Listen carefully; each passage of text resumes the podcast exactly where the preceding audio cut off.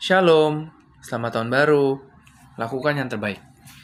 Matius 2 ayat 11. Maka masuklah mereka ke dalam rumah itu dan melihat anak itu bersama Maria ibunya lalu sujud menyembah dia. Mereka pun membuka tempat harta bendanya dan mempersembahkan persembahan kepadanya yaitu emas, kemenyan, dan mur. Orang-orang majus dari timur adalah orang bijak, terpelajar, punya jabatan penting dan hidup berkecukupan. Kita bisa belajar dua hal penting dari orang-orang majus ini. Yang pertama, memberi yang terbaik. Mereka mempersembahkan ke Yesus yaitu emas, kemenyan, dan mur. Nah, dalam tradisi orang timur waktu itu, ketiga jenis persembahan ini biasa dikasihnya tuh di istana sebagai tanda penghormatan kepada raja. Yesus adalah raja, makanya orang majus kasih yang terbaik. Nah, kita bakal salah-salah nggak dalam mempersembahkan sesuatu ke raja kita, baik itu dari talenta kita, materi, waktu, atau apa pun itu. Yesus bahkan meminta kita mempersembahkan hidup kita ini sebagai persembahan yang berkenan kepadanya. Yang kedua, melangkah dalam tuntunan Tuhan. Orang maju cari informasi yang jelas tentang keberadaan Yesus, dan selanjutnya mereka ikutin tuntunan Tuhan melalui bintang timur. Begitu juga setelah mereka berjumpa dengan bayi Yesus, dalam tuntunan Tuhan melalui sebuah peringatan lewat mimpi, mereka diluputin dari rancangan jahatnya Herodes. Coba direnungin deh beberapa pertanyaan berikut. Kita udah persembahkan sesuatu belum ke Tuhan Yesus? Terus kita udah lakuinnya dengan penuh hormat belum kepada Sang Raja? Terus apa kita ikutin tuntunan Tuhan saat melangkah atau mengerjakan sesuatu? Lakukan yang terbaik. Beri yang terbaik kepada Tuhan. Ikuti dan jalani hidup kita ini dalam tuntunannya dan pasti dia akan memberkati dan memelihara kita di sepanjang tahun ini.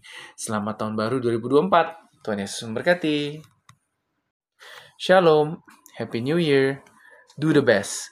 The book of Matthew, chapter 2, verse 11. So they entered the house and saw the child with Mary his mother, and fell down and worshipped him. They opened their treasures and offered offerings to him its gold, frankincense, and myrrh. The wise men from the east were wise, educated, had important position, and lived well we can learn two important things that uh, from these wise men. First, give your best. They offered Jesus gold, uh, frankincense, and myrrh. In Eastern tradition at that time, these three types of offerings were usually given in the palace as a sign of respect for the king. Now, you see, Jesus is king. That's why the wise men gave their best. So, will we be careless in offering something to our king? be it our talents, materials, time, or whatever.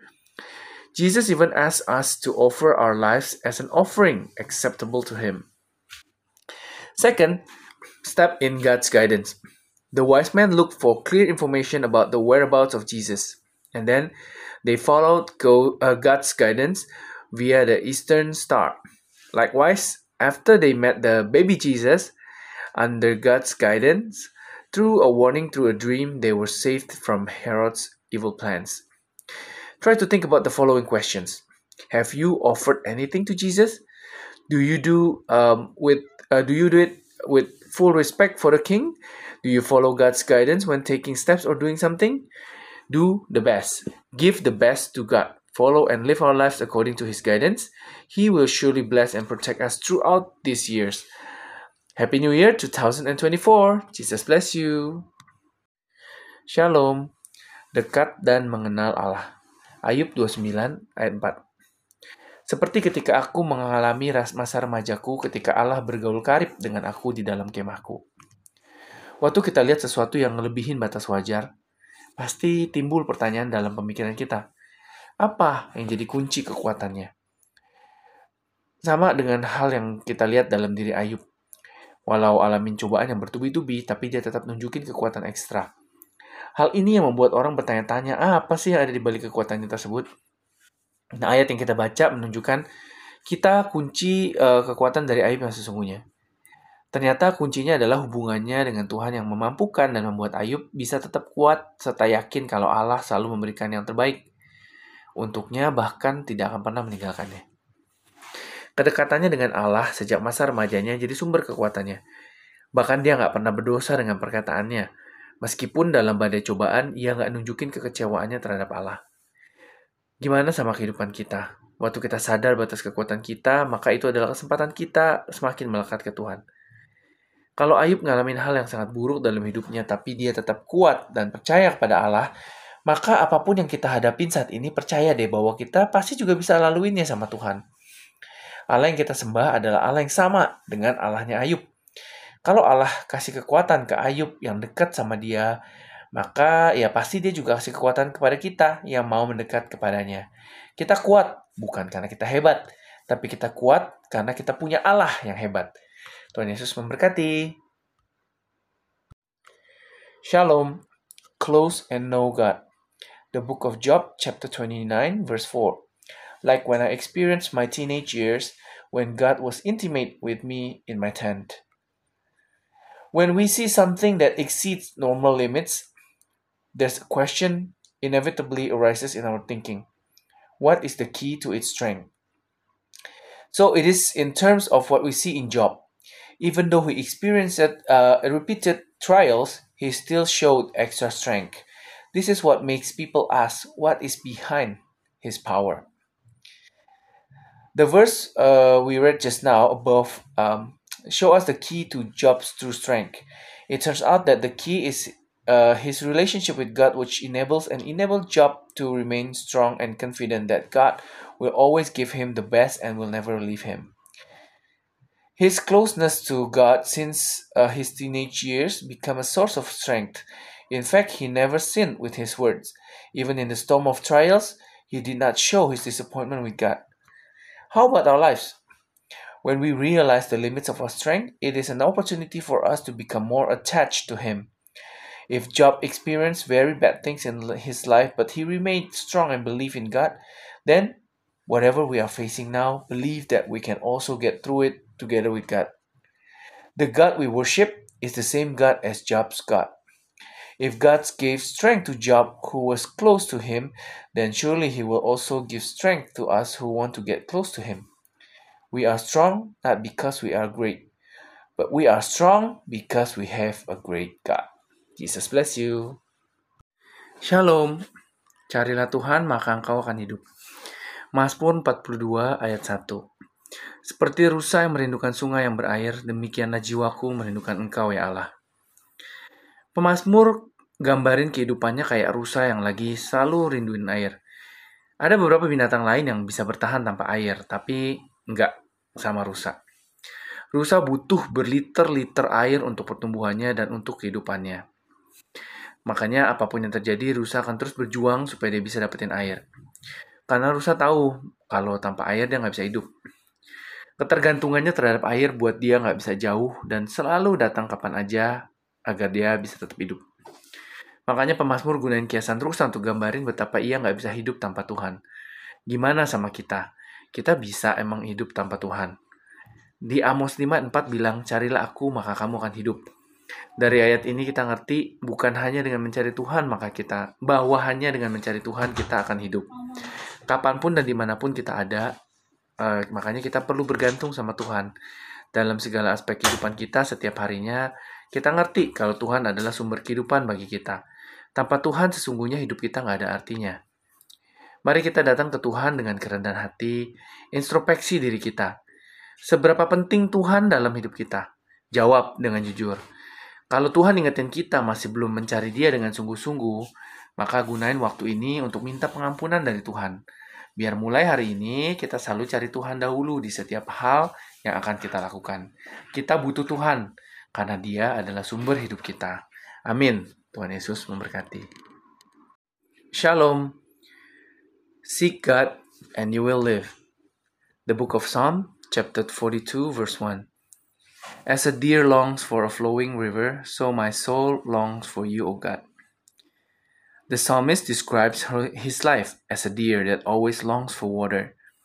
There are several other animals that can survive without water, but this is not the case with deer. Deer needs tons, gallons of waters for their growth and for their life. Therefore, whatever happens, the deer will continue to fight so that they can get water because deer know that without water they cannot live. His dependence on water means he cannot go far and it always comes at any time to keep him alive. Therefore, the psalmist uses the metaphor of a deer to describe how he cannot live without God. What about us? Can we live without God? The book of Amos, chapter 5, verse 4 says, Seek me and you will live. Now, from this verse, we understand that only by seeking God will we live. Whenever and wherever we are, we need to depend on God. In all aspects of our lives, every day, we understand that God is the source of life for us. Without God, our life is truly meaningless. Let us come to God with humility, introspect ourselves. How important is God is in our lives? Answer honestly. If God reminds us that we have not yet sought Him seriously, then use this time to ask for forgiveness from God. Let's start today. We will always we always seek God first in everything we do. We need God because He is the source of our life. Amen. Jesus bless you. Shalom hidup dalam kasih karunia. 1 Korintus 15 ayat 10. Tetapi karena kasih karunia Allah, aku adalah sebagaimana aku ada sekarang, dan kasih karunia yang dianugerahkannya kepadaku nggak sia-sia. Sebaliknya, aku telah bekerja lebih keras daripada mereka semua, tetapi bukannya aku, melainkan kasih karunia Allah yang menyertai aku. Pernah nggak sih kita pikir, ah, apa sih yang ngebedain orang percaya sama orang yang nggak kenal Kristus? Jawabannya itu adalah kasih karunia. Mereka yang nggak kenal Kristus cuma percaya kalau Tuhan tuh ada. Tapi mereka nggak peroleh kasih karunia Tuhan yang menyelamatkan. Beda sama kita yang percaya kepada Tuhan. Kita bukan cuma peroleh kasih karunia, tapi kita hidup di dalam kasih karunia. Nah masalahnya adalah banyak orang percaya nganggep kasih karunia itu sebagai pemberian yang gratis aja.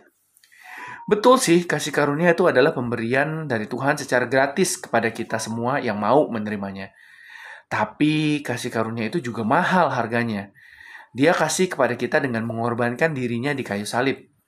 Sebuah harga yang sangat gak ternilai untuk sesuatu yang gratis. Paulus sadar bahwa sekarang dia hidup dalam kasih karunia Tuhan. Makanya dia gak mau kasih karunia Tuhan yang gak ternilai itu jadi sia-sia gitu aja. Melainkan Paulus berusaha lebih keras untuk menghidupi setiap kebenaran Tuhan di dalam hidupnya. Gimana sama kita? kita udah sadar dan hargain belum kasih karunia Allah dalam hidup kita. Ingat bahwa tanpa kasih karunia Allah dalam Yesus Kristus, kita adalah orang-orang yang akan binasa oleh dosa. Berusahalah senantiasa untuk sungguh-sungguh hidup benar di hadapan Tuhan. Tuhan Yesus memberkati. Shalom. Live in grace. The book of 1 Corinthians chapter 15 verse 10. But by God's grace I am what I am, and the grace he bestowed upon me was not in vain. On the contrary, I have worked harder than all of them, but not I, but the grace of God was with me. Have you ever thought about what the differentiates believers um, from people who don't know Christ? The answer is grace. Those who, don't, who do not know Christ only believe that God exists, but they did not obtain God's saving grace. Different from those uh, of us who believe in God, we not only receive grace, but we live in grace. Now, the problem is that many believers consider grace to be a free gift. Well, that's right. Grace is a free gift from God to all of us who want to receive it. But that grace is also expensive. He gave it to us by sacrificing Himself on the cross, a very priceless price for something that is free. Paul realized that uh, he now lived in God's grace. Therefore, he did not want God's priceless grace to be wasted. Instead, Paul tried harder to live out every truth in God of God in his life. Now, what about us? Have we realized and appreciated uh, God's grace in our lives? Remember, without the grace of God in Jesus Christ, we are the ones who will perish because of sin. Always try to truly live righteously before God. Jesus bless you. Shalom. Hati-hati dengan pergaulan. 1 Korintus 15 ayat 33. Janganlah kamu sesat. Pergaulan yang buruk merusakkan kebiasaan yang baik. Stephen R. Covey mengatakan sebagian masa depan kamu tergantung pada dengan siapa kamu bergaul. Mungkin kita mikir ya, bener nggak sih? Kutipan tersebut bukan cuma sensasi aja, melainkan itu sama seperti apa yang Alkitab bilang. Amsal menuliskan siapa bergaul dengan orang bijak menjadi bijak, tetapi siapa berteman dengan orang bebal menjadi malang. Dengan kata lain, pergaulan kita nentuin hidup dan masa depan kita. Di 1 Korintus 15 ayat 33, Paulus menasihati ke jemaat Korintus kalau mereka harus jaga pergaulan. Pergaulan yang buruk bisa merusak kebiasaan yang baik. Di dalam terjemahan firman Allah yang hidup ditulis kayak gini, janganlah terkecoh oleh orang-orang yang mengatakan hal-hal semacam itu. Nah, kalau saudara mendengarkan mereka, maka saudara akan berkelakuan sama seperti mereka. Jadi waktu kita kasih telinga kita untuk dengar hal-hal yang gak baik, kayak gosip, fitnah, ngomongin keburukan orang lain, berkata kotor, penuh e, menggerutu, dan lain-lain, maka kita bilang kita akan berkelakuan sama seperti mereka. Bisa nggak kita bayangin? Kasih telinga aja untuk dengar hal-hal yang nggak baik akan ngerusak kelakuan kita yang baik. Apalagi kalau kita kasih diri bergaul dengan orang-orang yang nggak baik. Wah, kita akan semakin rusak. Nah, hari ini kalau Anda mau punya masa depan yang baik, masa depan yang sukses, maka buatlah komitmen untuk jaga pergaulan Anda. Ingat, jangan kasih telinga kita untuk dengar hal-hal yang gak baik dan jangan salah pilih teman untuk bergaul. Pilih teman-teman seiman, teman yang mampu mendukung dan mendorong kita untuk hidup takut akan Tuhan yang pegangannya ialah firman Tuhan. Tuhan Yesus memberkati. Shalom. Be careful with associations. The book of 1 Corinthians chapter 15 verse 33. Do not be misled. Bad company destroys good habits. Stephen R. Covey said, Part of your future depends on how you hang out with, on who you hang out with. Maybe we're thinking, is it true?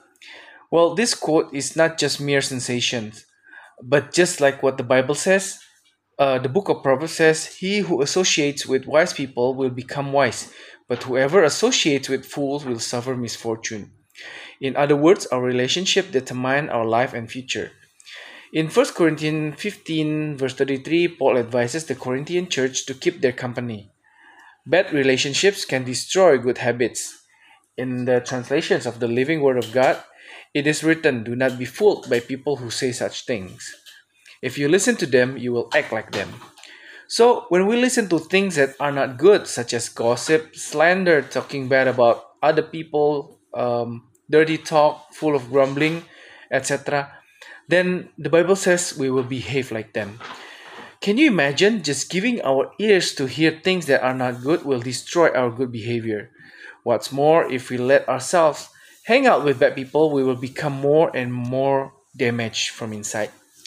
Today, if you want to have a good uh, future, a successful future, then make a commitment to maintain your relationships. Remember, don't give our ears to hear bad things and don't choose the wrong friends to hang out with. Choose friends in the faith, friends who are able to support and encourage us to live in the fear of God, whose guidance is God's word. Jesus bless you. Shalom, bahasa kalbu.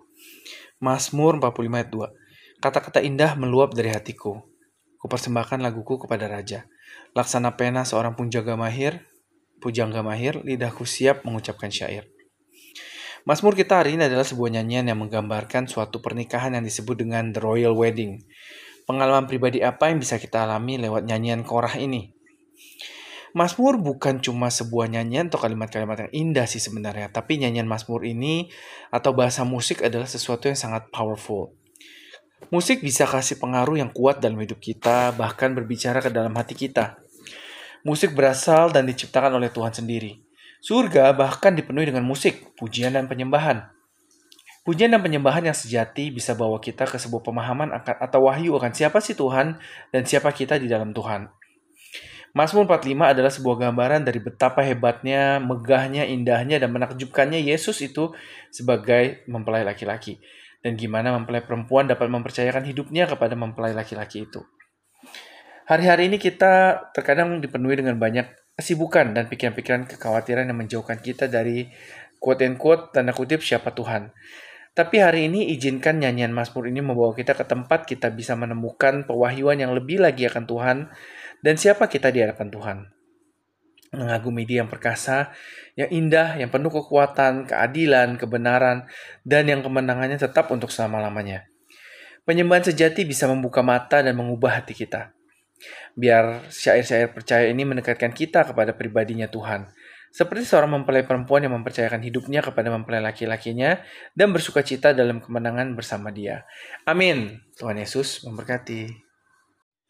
Shalom. Heart language. The book of Psalm, chapter 45, verse 2. Beautiful words overflow from my heart. I dedicate my song to the King. Like the pen of a skilled poet, my tongue is ready to utter poetry.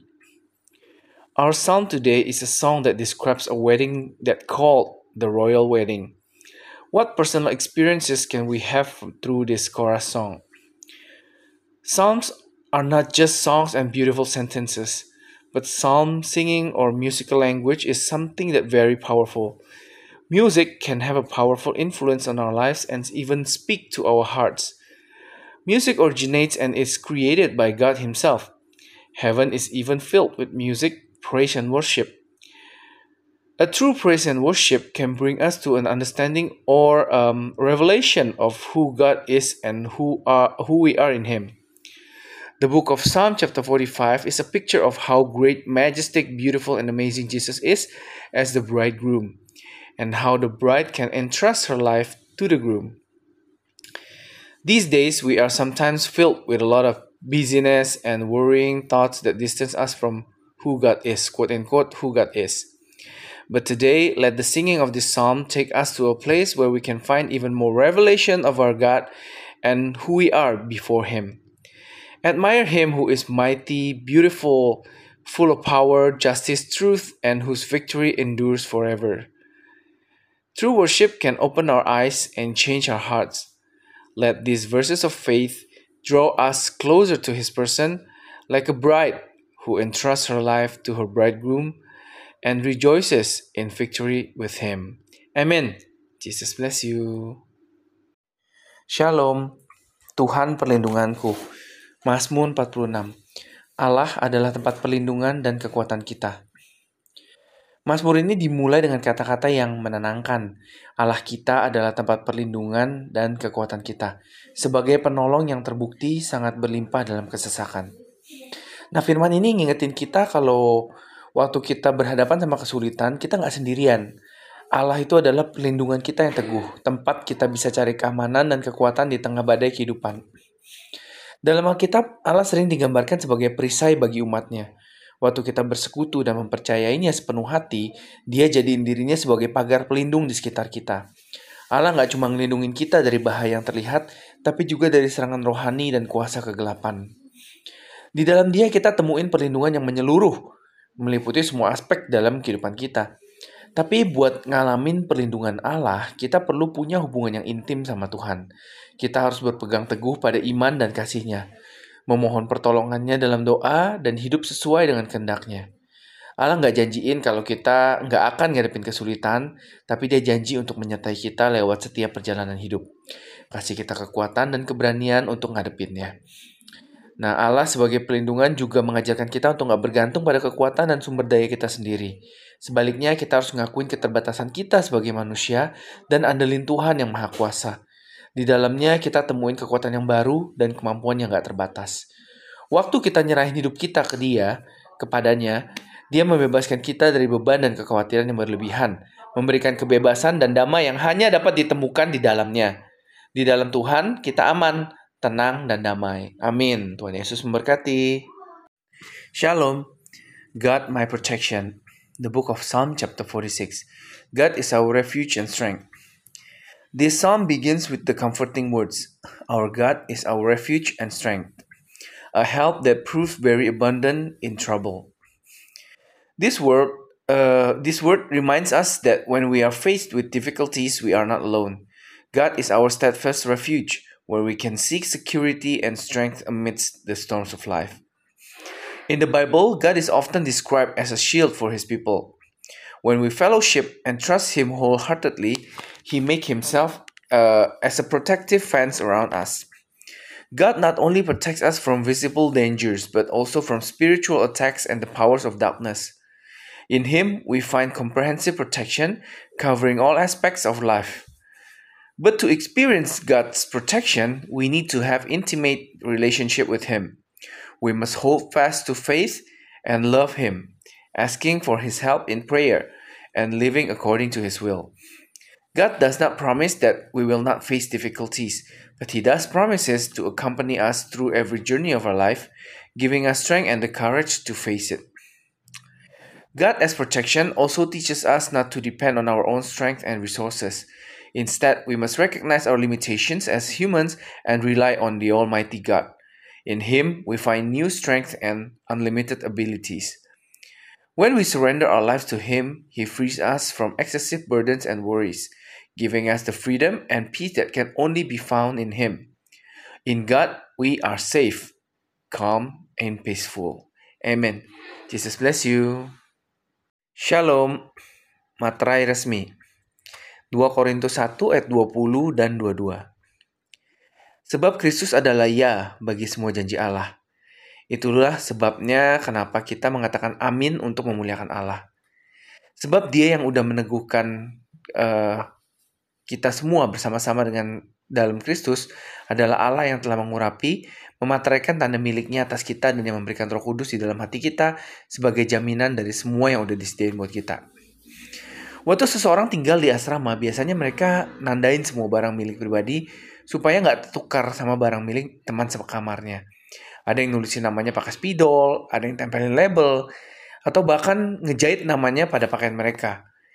Sama kayak anak-anak Allah di tengah semua orang di dunia ini, ada tanda yang memastikan bahwa seseorang jadi kepunyaan Allah yang akan membedakannya dengan sesama orang di dunia.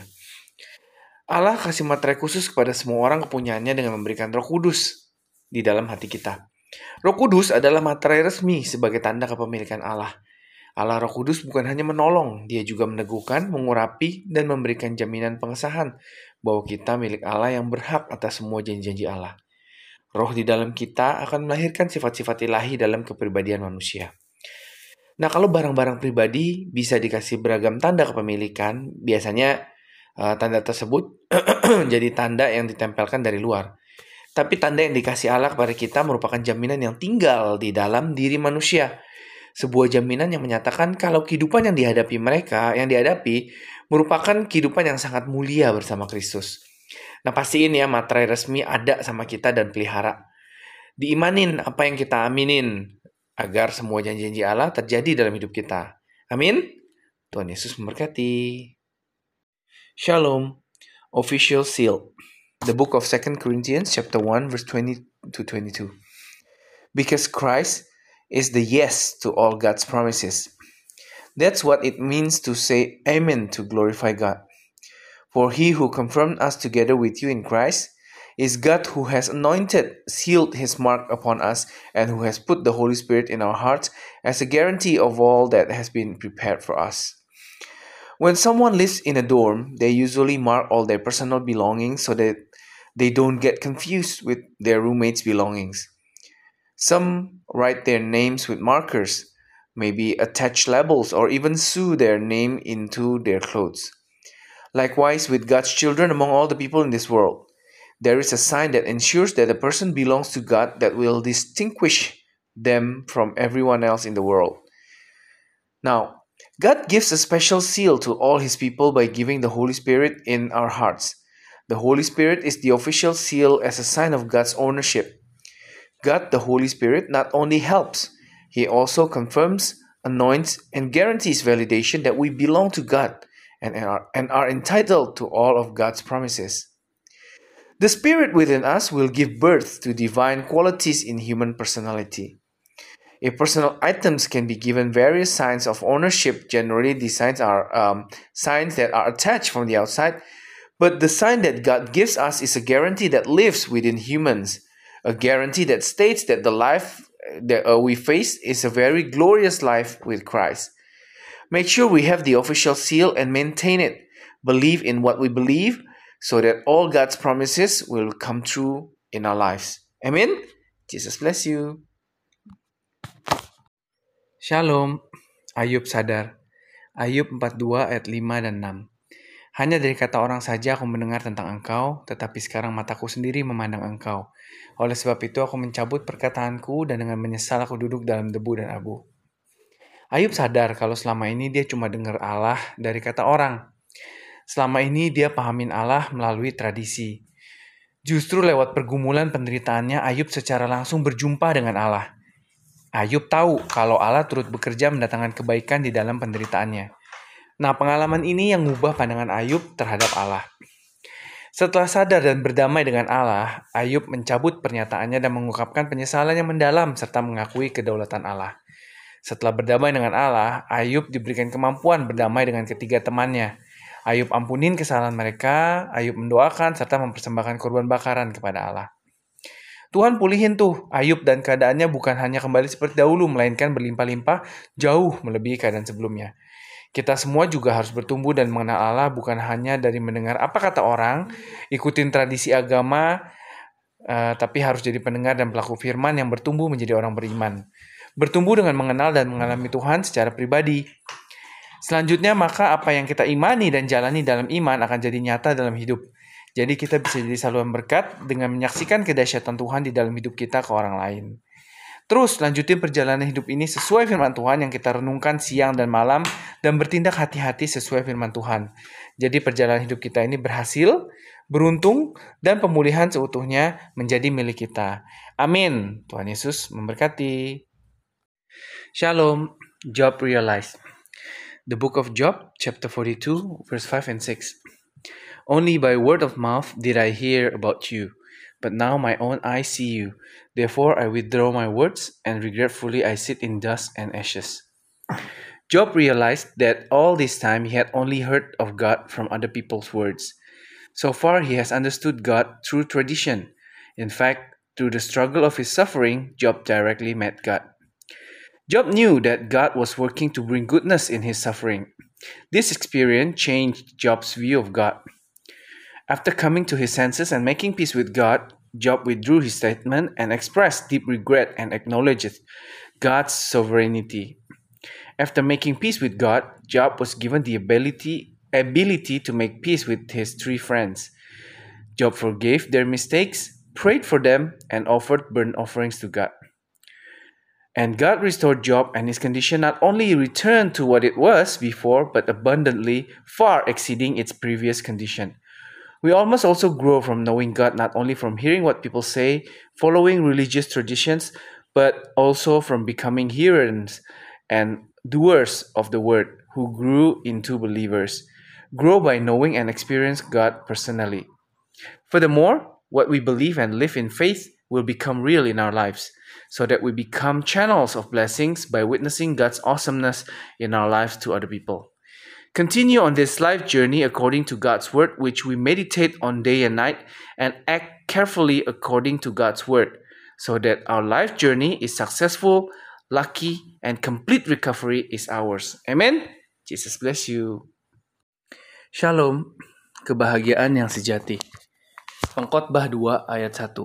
Aku berkata dalam hati, Mari aku hendak menguji kegirangan, nikmatilah kesenangan, tetapi lihat juga itu pun sia-sia. Siapa yang gak mau bahagia? Tentu aja semua kita pasti mau kejar kebahagiaan. Gak ada orang yang mau hidup dalam kesedihan. Tapi apa ukuran kebahagiaan itu sendiri sebenarnya? Salomo dalam kitab pengkhotbah mengatakan dia mau menguji kegirangan dan kesenangan. Dan hasilnya kesia-siaan. Siapa sih Salomo? Nah, dia adalah seorang raja yang penuh hikmat. Selain itu, dia juga sangat kaya. Tapi anehnya dia bisa berkata kegirangan dan kesenangan itu adalah hal yang sia-sia. Salomo menyimpulkan bahwa kesenangan dan kegirangan yang sejati itu adalah pemberian Tuhan. Manusia mencoba mencari kesenangan dan kegirangan, tapi semuanya itu akan sia-sia. Amsal bilang sebagai usaha menjaring angin. Hanya kegirangan dan kesenangan dari Tuhanlah yang bisa disebut sebagai kebahagiaan yang sejati. Kalau kita fokus kejar kekayaan untuk memperoleh kebahagiaan, maka kita akan kecewa karena kekayaan gak bisa memberikan kebahagiaan yang sejati. Kekayaan hanya bisa kasih kebahagiaan yang semu. Kebahagiaan yang sesungguhnya adalah pemberian dari Tuhan. Hari ini kalau Anda sudah diberkati oleh Tuhan dengan segala materi yang ada, maka harus ucap syukur. Jangan gantungin harapan kita sama kekayaan. Jadi berkat buat orang lain, maka Tuhan akan kasih kebahagiaan yang berlimpah-limpah atas hidup kita. Kalau kita lagi ngalamin kekurangan, mengucap syukur juga ke Tuhan. Pengkhotbah bilang, selama kita masih bisa makan dan minum dari jeripaya kita, itu juga kenikmatan yang berasal dari Tuhan. Tuhan Yesus memberkati. Shalom, true happiness. The book of Ecclesiastes, chapter 2, verse 1. I said to myself, Come, I want to test joy, enjoy the pleasure. But look, even that is in vain. Who doesn't want to be happy? Of course, we all want to pursue happiness. No one wants to live in sadness. But what is the measure of happiness itself? Solomon in the book of Ecclesiastes said he wanted to test joy and pleasure. And what are the results? Futility. The question is who was Solomon? He is a king full of wisdom. Apart from that, he is also very rich. But strangely, he could say that joy and pleasure were in vain. Solomon concluded that true pleasure and joy are God's gifts. Humans try to seek pleasure and joy, but it is all in vain. Proverbs says it is an effort to catch the wind. Only joy and pleasure from God can be called true happiness. If we focus on pursuing wealth to obtain happiness, then we will be disappointed. Because wealth cannot provide true happiness, wealth can only provide false happiness. True happiness is a gift from God. Today, if we have been blessed by God with all the material things that we have, then give thanks. Don't pin your hopes on wealth. Be a blessing to others, then God will give abundant happiness to our lives. If we are experiencing shortage right now, also give thanks to God. The preacher said that as long as we can still eat and drink from our labor, then that it is also a pleasure that comes from God. Amen. Jesus bless you. Shalom. Mendengar dan taat melakukan. Pengkhotbah 5 ayat pertama. Jagalah langkahmu kalau engkau berjalan ke rumah Allah. Menghampiri untuk mendengar adalah lebih baik daripada mempersembahkan korban yang dilakukan oleh orang-orang bodoh karena mereka tidak tahu bahwa mereka berbuat jahat. Tanpa kita sadar, sering loh kita nyamain Tuhan sama manusia. Kita pikir kalau Tuhan pasti senang kalau kita datang beribadah kepada Tuhan dengan bawa banyak persembahan. Padahal uh, ayat yang tadi di atas ngingetin kita kalau kita jaga langkah kita kalau lagi berjalan uh, ke rumah Allah. Hal ini artinya kita harus perhatiin dengan sungguh-sungguh waktu kita datang ke rumah Tuhan, yaitu mendengar lebih baik daripada korban persembahan. Tuhan cuma menuntut satu hal dari kita, yaitu ketaatan. Makanya percuma kalau kita kasih banyak persembahan ke Tuhan, tapi kita nggak dengerin atau kita nggak jalanin apa yang Tuhan firmanin. Di dalam bahasa aslinya, kata mendengar menggunakan kata shema, yang artinya taat, patuh, tunduk, dengar. Dengan kata lain, shema ini bisa diartikan mendengarkan serta taat melakukan di dalam konteks ini adalah mendengar dan taat melakukan firman Tuhan. Roma 10 ayat 17 juga nulisin, jadi iman timbul dari pendengaran dan pendengaran oleh firman Kristus. Kejadian 2 ayat 18, oleh keturunan mulah semua bangsa di bumi akan mendapat berkat karena engkau mendengarkan firmanku. Makanya ayo kita pastiin setiap kita datang ke Tuhan secara aktif kita dengerin firman-Nya, percaya dan melakukan dengan ketaatan yang lebih baik dari hari ke hari. Gak berhenti dengan mendengar dan mengerti, tapi selalu dilanjutkan dengan praktek kehidupan menggenapi janji Tuhan lewat firman-Nya. Tuhan Yesus memberkati. Shalom. Listen and obey. The book of Ecclesiastes chapter 5 verse 1. Watch your steps when you walk to the house of God. Approaching to hear is better than offering sacrifices made by foolish people, because they do not know that they are doing evil. You know, without realizing it, we often equate God with humans. We think that God will be happy if we come to worship Him with lots of offerings. In fact, the verse that we read just now reminds us that we should watch our steps when walking to God's house. This means we must pay serious attention when we come to God's house. Hearing is better than offering sacrifices. God only requires one thing from us it's obedience. Therefore, it is useless for us to give many offerings to God if we do not listen and carry out what God says. In the original language, the word hearing uses the word shema, which means obey, submit, and listen. In other words, shema can be interpreted as listening and obeying. In this context, it means hearing and obeying God's word. Romans chapter 10 verse 17 writes, So faith comes from hearing and hearing through the word of Christ. The book of Genesis chapter 2 verse 18, By your descendants all the nations of the earth will be blessed, because you have listened to my word. Let's make sure that every time we come to God, we actively listen to His word, believe and act with better obedience from day to day. It doesn't stop with hearing and understanding, but always continues with the practice of fulfilling God's promises through His words. Jesus bless you. Shalom, menjaga mulut. Amsal 21 ayat 23. Siapa memelihara mulut dan lidahnya memelihara diri daripada kesukaran. Mulut bisa membawa kita pada kesukaran dan juga kepada perkenanan. Alkitab dengan jelas mengingatkan kita bahwa lidah berkuasa atas hidup dan mati kita. Kehormatan dan kesaksian kita bisa rusak karena omongannya kotor atau bodoh. Kita mungkin akan kehilangan teman atau kepercayaan orang dengan berbohong, bergosip, atau bicara negatif tentang orang lain. Kita mungkin dihakimi sama orang lain karena kita mengeluh dan gak menghormati otoritas. Kata-kata kasar, pernyataan mengutuk yang bisa menyakiti orang di sekitar kita dan dapat menyebabkan orang lain lah seperti pasangan kita, anak-anak kita, atau orang tua kita bisa menyebabkan gak menyukai atau membenci kita. Mudah untuk bertengkar atau berdebat akan membuat orang menjauh dari kita. Ibarat pepatah, mulutmu harimaumu. Alkitab juga menyatakan kalau siapa yang jaga mulutnya, mereka akan menikmati hari-hari baik dan umur yang panjang. Nyatanya perkataan kita bisa menciptakan atau menghancurkan banyak hal. Kita bisa gunain kata-kata kita untuk membangun orang lain, untuk menguatkan mereka yang lemah, serta mereka yang putus asa. Gimana sih caranya kita bisa punya lidah yang baik? Alkitab bilang e, perkataan kita berasal dari perbendaharaan hati kita. Makanya penting buat kita untuk perhatiin apa yang masuk ke dalam hati kita dan hal itu tergantung pada hal-hal apa yang paling sering kita baca, kita tonton, atau yang kita habisin waktunya. Hari ini buatlah komitmen untuk jaga mulut kita senantiasa, berjaga-jaga, dan berbahagia setiap hari. Tuhan Yesus memberkati. Shalom. Keep your word. Keep your mouth. The book of Proverbs chapter 21 verse 23. Whoever guards his mouth and tongue protects himself from trouble.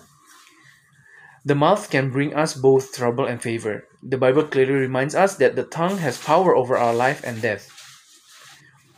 Our honor and testimony can be damaged because of dirty and stupid talk. We may lose friends and people's trust by lying, gossiping, or speaking negatively about authority or others. We may be judged by others for complaining and not respecting uh, authority. Harsh words, condemning statements can hurt people around us and can cause other people, such as our partner, our children, and our parents, to dislike or hate us. If we are easy to fight or argue, it will make uh, people stay away from us. As the saying goes, your mouth is your tiger. It's a proverb from um, from uh, Indonesia. The Bible also states that whoever guards their mouth, they will enjoy good days and a long life. In fact, our words can create or destroy many things. We can use our words to build others or to strengthen those who are weak and those who feel hopeless. Now, the question is how can we have a good quote unquote tongue? The Bible says our words come from the treasure of our heart. Therefore, it is important to pay attention to what enters our heart. And it depends on what the what things that we read, watch, or spend the most time on. Today, make a commitment to always take care of your mouth. Stay on guard and happy day everyone. Jesus bless you. Shalom. Memberitakan Injil. 2 Korintus 5 ayat 11. Karena rasa takut yang hikmat terhadap Tuhan inilah yang selalu memenuhi pikiran kami. Maka kami bekerja keras untuk membawa orang lain kepada Kristus. Allah mengetahui bahwa hati kami tulus dalam hal ini, dan saya harap bahwa jauh di dalam lubuk hati saudara juga ada keyakinan demikian. Ada survei membuktikan bahwa per 5 detik ada 9 orang yang meninggal di dunia ini. Setiap satu menit artinya 108 orang yang meninggal. Nah kalau satu jam 6.480 orang meninggal. Dan dalam satu hari ada 155.520 orang yang meninggal. Bisa dibayangin nggak apa jadinya kalau mereka yang meninggal itu belum terima Yesus sebagai Tuhan dan Juru Selamat mereka. Paulus di Korintus 5:11 bilang kalau rasa takutnya akan Tuhan senantiasa memenuhi pikiran dan hatinya. Jadi membuat dia kerja lebih keras untuk memberitakan Injil kepada orang-orang yang belum mengenal Kristus. Paulus pun berharap supaya semua orang percaya punya atau melakukan hal yang sama seperti yang Paulus lakukan. Gimana sama kita? Kita udah sungguh-sungguh belum memberitakan Injil kepada mereka semua yang belum mengenal Kristus. Kita punya hati nggak yang tulus dan penuh belas kasihan kepada mereka semua. Paulus ingetin kita supaya kita semua orang percaya kerja keras dalam memberitakan Injil. Kata kerja keras di dalam kamus umum bahasa Indonesia artinya bekerja mati-matian. Hari ini Yuk kita buat komitmen untuk setiap harinya beritakan kabar baik minimal kepada satu orang. Ingat kalau bagian kita adalah menceritakan keselamatan serta kebaikan yang sudah kita terima dari Tuhan. Sisanya doain aja dan percaya kalau Roh Kudus akan bekerja melawat mereka. Amin. Tuhan Yesus memberkati. Shalom. Preaching the Gospel. The book of 2 Corinthians chapter 5 verse 11. It is because of this reverent fear of God which always fills our minds, that we work hard to bring others to Christ. God knows that our hearts are sincere in this matter, and I hope that deep down in your heart you also have such a belief. Did you know that based on the survey on a surface that every five seconds there are nine people who die in this world? Every one minute it means 108 people die. In an hour, 6,480 people die. And if you calculate in one day, there are 155,520 people who died. Can you imagine what would happen if those who died had not accepted Jesus as their Lord and Savior? Now, Paul in the book of Corinthians, chapter 5, verse 11, says that his fear of God always filled his mind and heart, making him work hard to preach the gospel to people who did not yet know about Christ. Paul also hopes that all believers will have or do the same things as Paul did. What about us? Are we truly preaching the gospel to all those who do not yet know Christ? Do we have a sincere and compassionate heart for all of them? Paul reminds all of us believers to work hard in preaching the gospel. The word work hard in the Gen- in Indonesian dictionary means working desperately. Today, let's make a commitment to share the good news with at least one person every day. Remember, our part is to share the salvation and the goodness that we have received from God. The rest, just pray and trust that the Holy Spirit will work to visit them. Amen. Jesus bless you. Shalom. Jangan menyia-nyiakan anugerah Tuhan. 2 Korintus 6 ayat 1.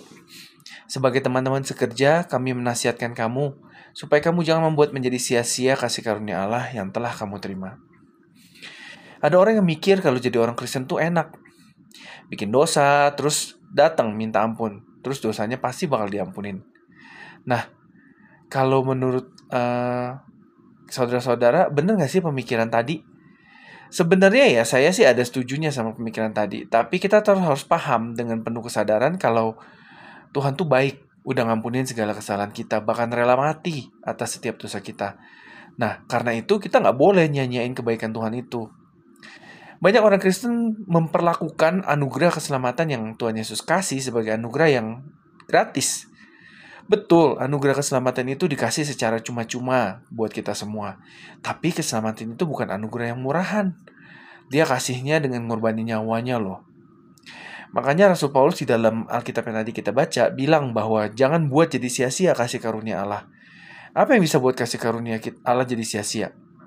Ada tiga hal yang Paulus uh, jabarkan yaitu satu waktu kita jadi batu sandungan bagi orang lain dua waktu kita nggak bisa sabar dalam ngadepin kesukaran dan tiga waktu kita lebih mengutamakan kepentingan diri kita sendiri Nah hari ini coba deh renungin hidup kita. Apa kita termasuk dalam kriteria orang yang suka nyanyain kasih karunia Tuhan? Atau sebaliknya kita sungguh-sungguh menghormati kasih karunia Tuhan dengan berusaha untuk senantiasa hidup benar dan menjadi teladan bagi sesama kita. Tuhan Yesus memberkati. Shalom. Don't waste God's grace. The book of 2nd Corinthians chapter 6 verse 1. As fellow workers, we urge you not to let the grace of God you have received be in vain. Now, some people think that being a Christian is it's like it's it's nice. If you commit a sin, then come to ask for forgiveness, then your sin will definitely be forgiven in your opinion, is the thinking like uh, that it's true? Well, actually, I agree with the thoughts. Uh, with that thought, but we must understand with full awareness that He, God, is good at forgiving all of our mistakes, even willing to die for all of our sins. But we not must waste God's goodness. Many Christians treat the gift of salvation that Jesus gave as a free gift. Yes, it's true that the gift of salvation is given freely to all of us, but salvation is not a cheap gift. He gave it by sacrificing his life. Therefore, the Apostle Paul in the Bible uh, says that just now that we read just now says that do not let God's grace be wasted. What could make God's grace go to waste? At least there are three things that Paul describes. One, when we became a stumbling block for others. Two, when we cannot be patient in facing difficulties. And three, when we prioritize our own interest. Now, today, try to reflect on our life. Are we included in the criteria that for people who like to waste God's grace? Or conversely, do we truly respect God's grace by trying to always li- live righteously and be an example for to our fellow humans? Just bless you. Shalom, seorang pemarah. Amsal 22 ayat 24. Jangan berteman dengan orang yang lekas gusar, jangan bergaul dengan seorang pemarah. Suatu kali teman saya marah besar dengan mobilnya. Dia tendang mobilnya dan memaki-maki mobil tersebut dengan sebuah kemarahan yang gak terkendali. Karena mobilnya gak bisa dihidupin. Setelah dicek, ternyata dia lupa kalau mobilnya belum isi bensin. Saya dan teman saya spontan ketawa ngelihat perilakunya. Nah, Alkitab yang tadi barusan kita baca bukan bermaksud untuk melarang berhubungan sama sekali dengan orang yang mudah marah. Karena kalau kita ngelakuin itu, kita mungkin gak punya kesempatan untuk jadi saksi bagi mereka. Ini lebih kepada memastikan supaya kita nggak mengadopsi cara mereka, jadi kita nggak sama seperti mereka. Orang yang gampang marah akan cenderung membawa konflik yang nggak berkesudahan dalam hubungan kita dengan mereka. 1 Korintus 15 ayat 33 bilang janganlah sesat.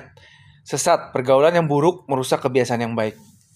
Nah, seorang pemarah sering kali membanggakan temperamennya sebagai tanda kejantanan atau ketangguhan.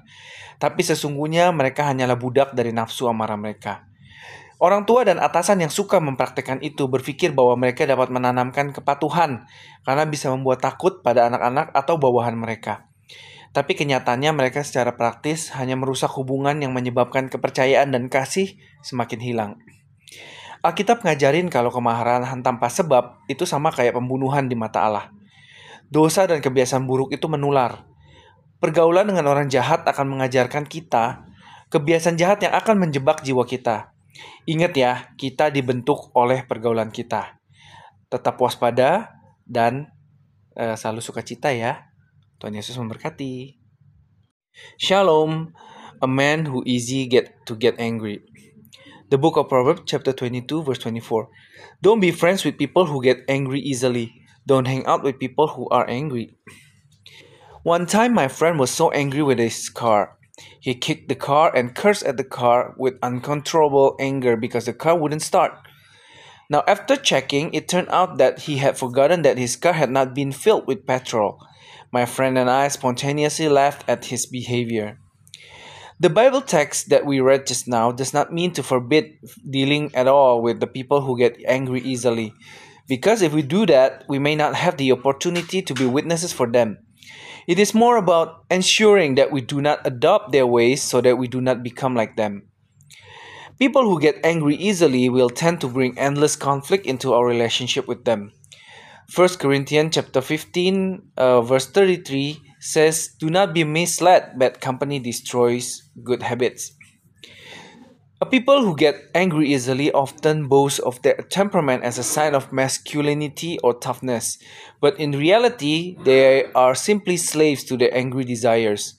Parents and superiors who like to practice it think that they can instill obedience because it can scare their children or subordinates.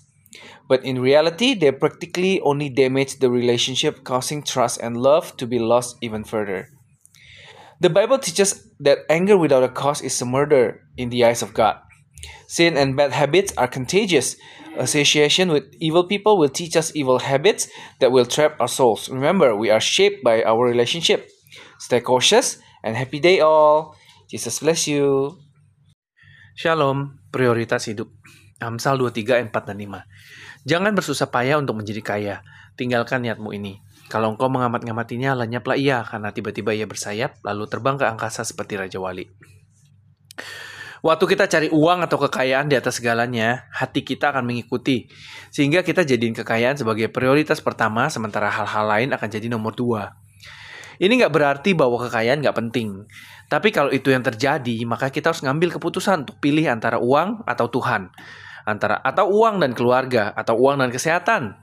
Nah, pasti nanti uang pasti akan menang.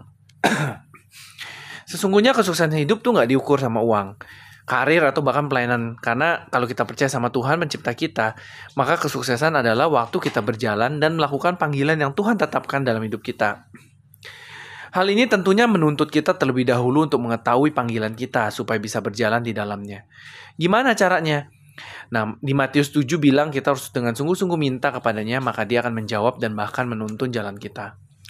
Banyak orang bilang bahwa uang adalah pelayan yang baik tapi juga Tuhan yang mengerikan. Kita harus gunain uang atau kekayaan untuk mencapai panggilan Tuhan dalam hidup kita, bukannya jadiin kekayaan sebagai tujuan akhir dalam hidup kita. Alkitab juga ngajarin kita bahwa waktu kita cari Tuhan dan kebenarannya, semua yang kita butuhin termasuk uang akan ditambahkan kepada kita. Itu janjinya Tuhan. Makanya jangan kita fokus sama uang atau hal-hal lain yang bersifat sementara, tapi fokus sama Tuhan dan kerajaannya. Dia sumber dari segalanya. Tuhan Yesus memberkati. Shalom. Life Priorities. The book of Proverbs chapter 23 verse 4 and 5. Don't try hard to become rich. Abandon this intention. If you look at it, it will disappear because suddenly it has wings and flies into the sky like an eagle. When we seek money or wealth above all else, our hearts will follow. So we make wealth the first priority while other things will become secondary. This does not mean that wealth is not important, but if that is the case, then we have to make a decision to choose between money and God, or money and family, or money and health. And money will win.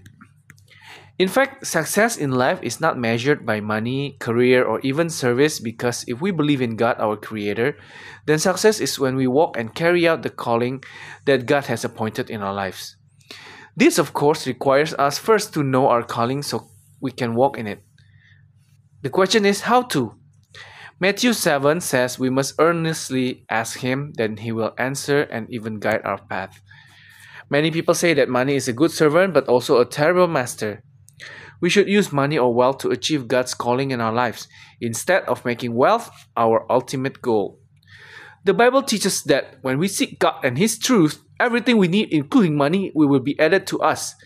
That is His promise Therefore, let us not focus on money or other temporary things, but focus on God and His kingdom. He is the source of everything. Jesus bless you. Shalom. Bagaimana memberi dengan baik? 2 Korintus 8 ayat 5. Mereka memberikan lebih banyak daripada yang kami harapkan. Mereka memberikan diri mereka pertama-tama kepada Allah, kemudian oleh karena kehendak Allah juga kepada kami. Ada pepatah yang bilang kalau ingin menangkap ayam, jangan dikejar. Kita akan lelah dan ayamnya pun semakin menjauh. Kasih dia beras dan makanan, nanti dia akan datang dengan rela.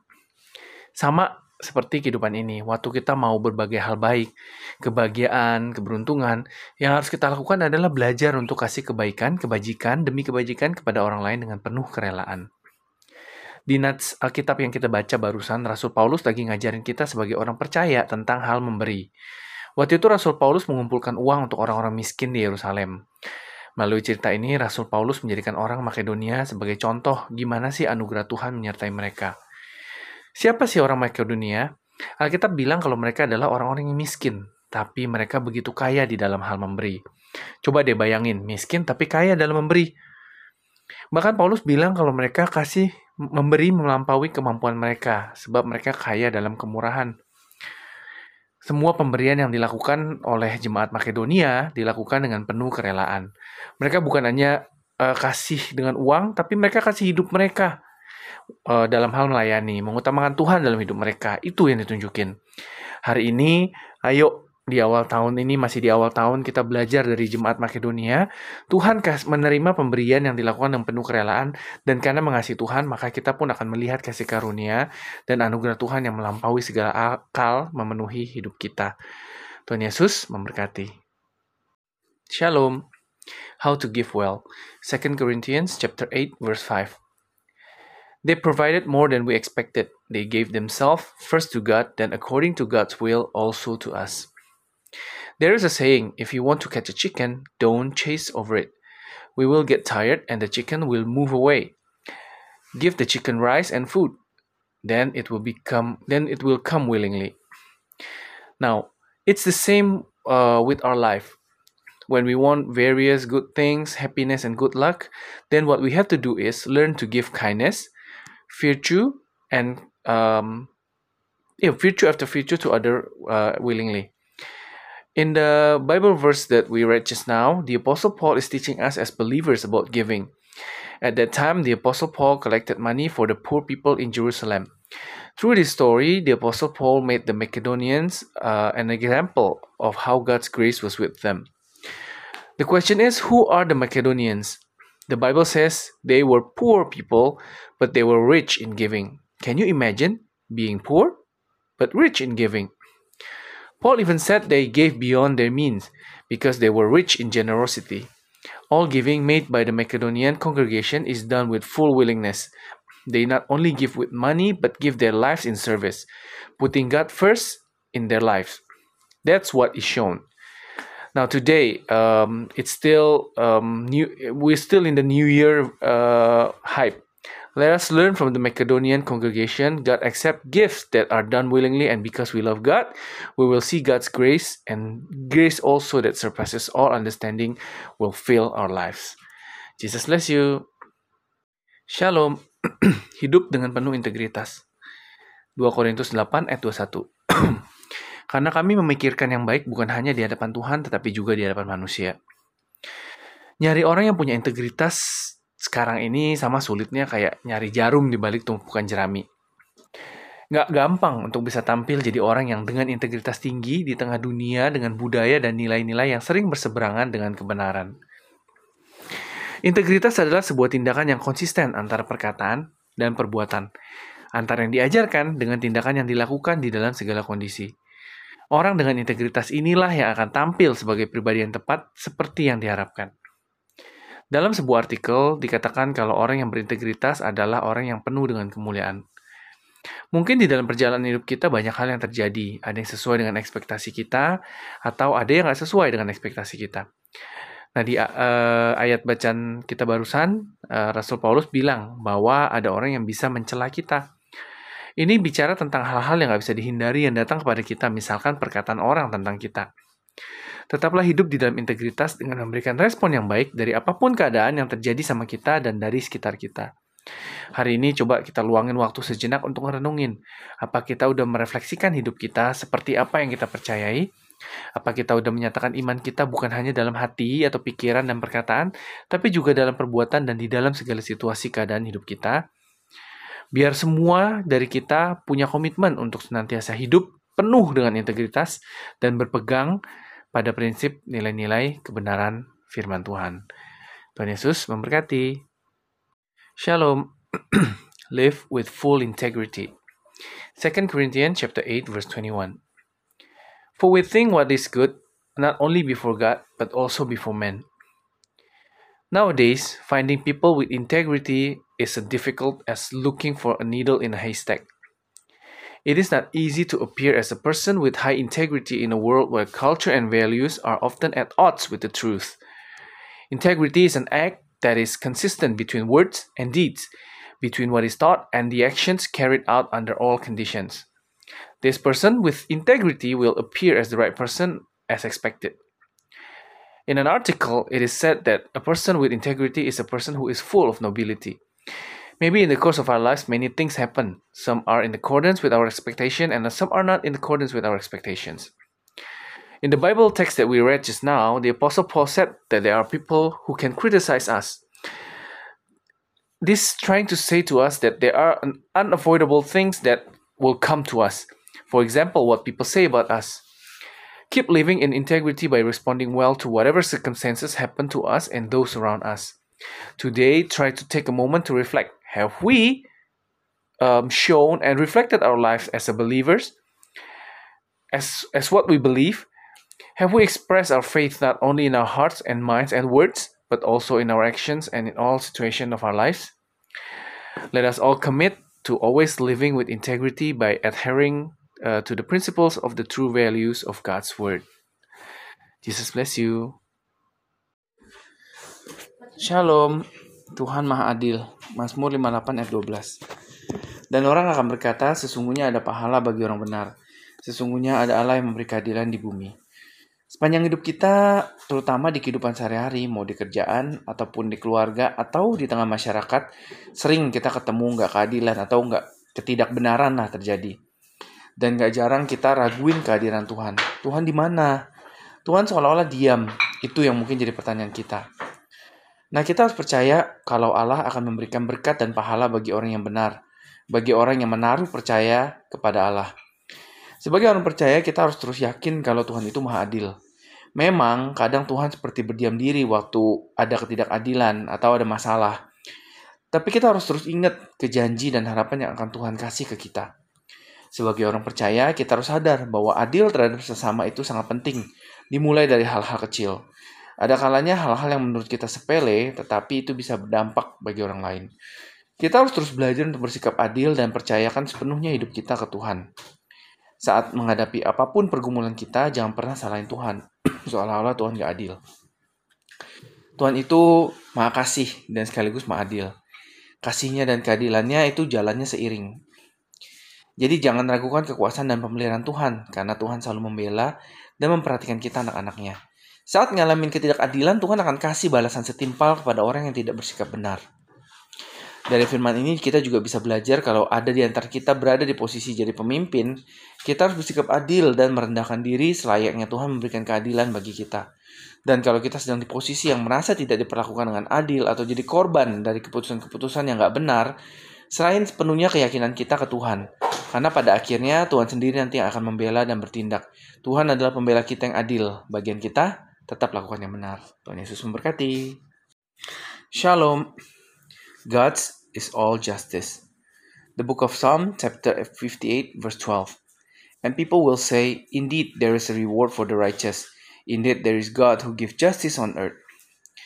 Throughout our lives, especially in um, everyday life, whether at work, in the family, or in society, often injustice and untruth uh, occur. It is not uncommon for us to doubt God's presence. Where's God? God seems silent. That may be uh, a question in our heart. We must believe that God will give blessings and rewards to the righteous, to those who put their trust in God. As believers, we must continue to believe that God is all just. It is true that sometimes God seems silent when injustice or problems occur, but we must continue to remember the promises and hopes that God will give us. As believers, we must be aware that being fair to others is very important, starting from the small things. There are times when things that we think are trivial can have an impact on other people. We must continue to learn to be fair and completely entrust our lives to God. When facing whether our struggles are, never blame God as if God is unfair. God is all loving and all just. His love and justice go hand in hand. Let's not doubt God's power and care because God always defends and cares for us, His children. When experiencing injustice, God will give adequate recompense to people who do not behave correctly. From this word, we also learn that if any of us are in a position to be leaders, we must be fair and humble ourselves as God gives us justice.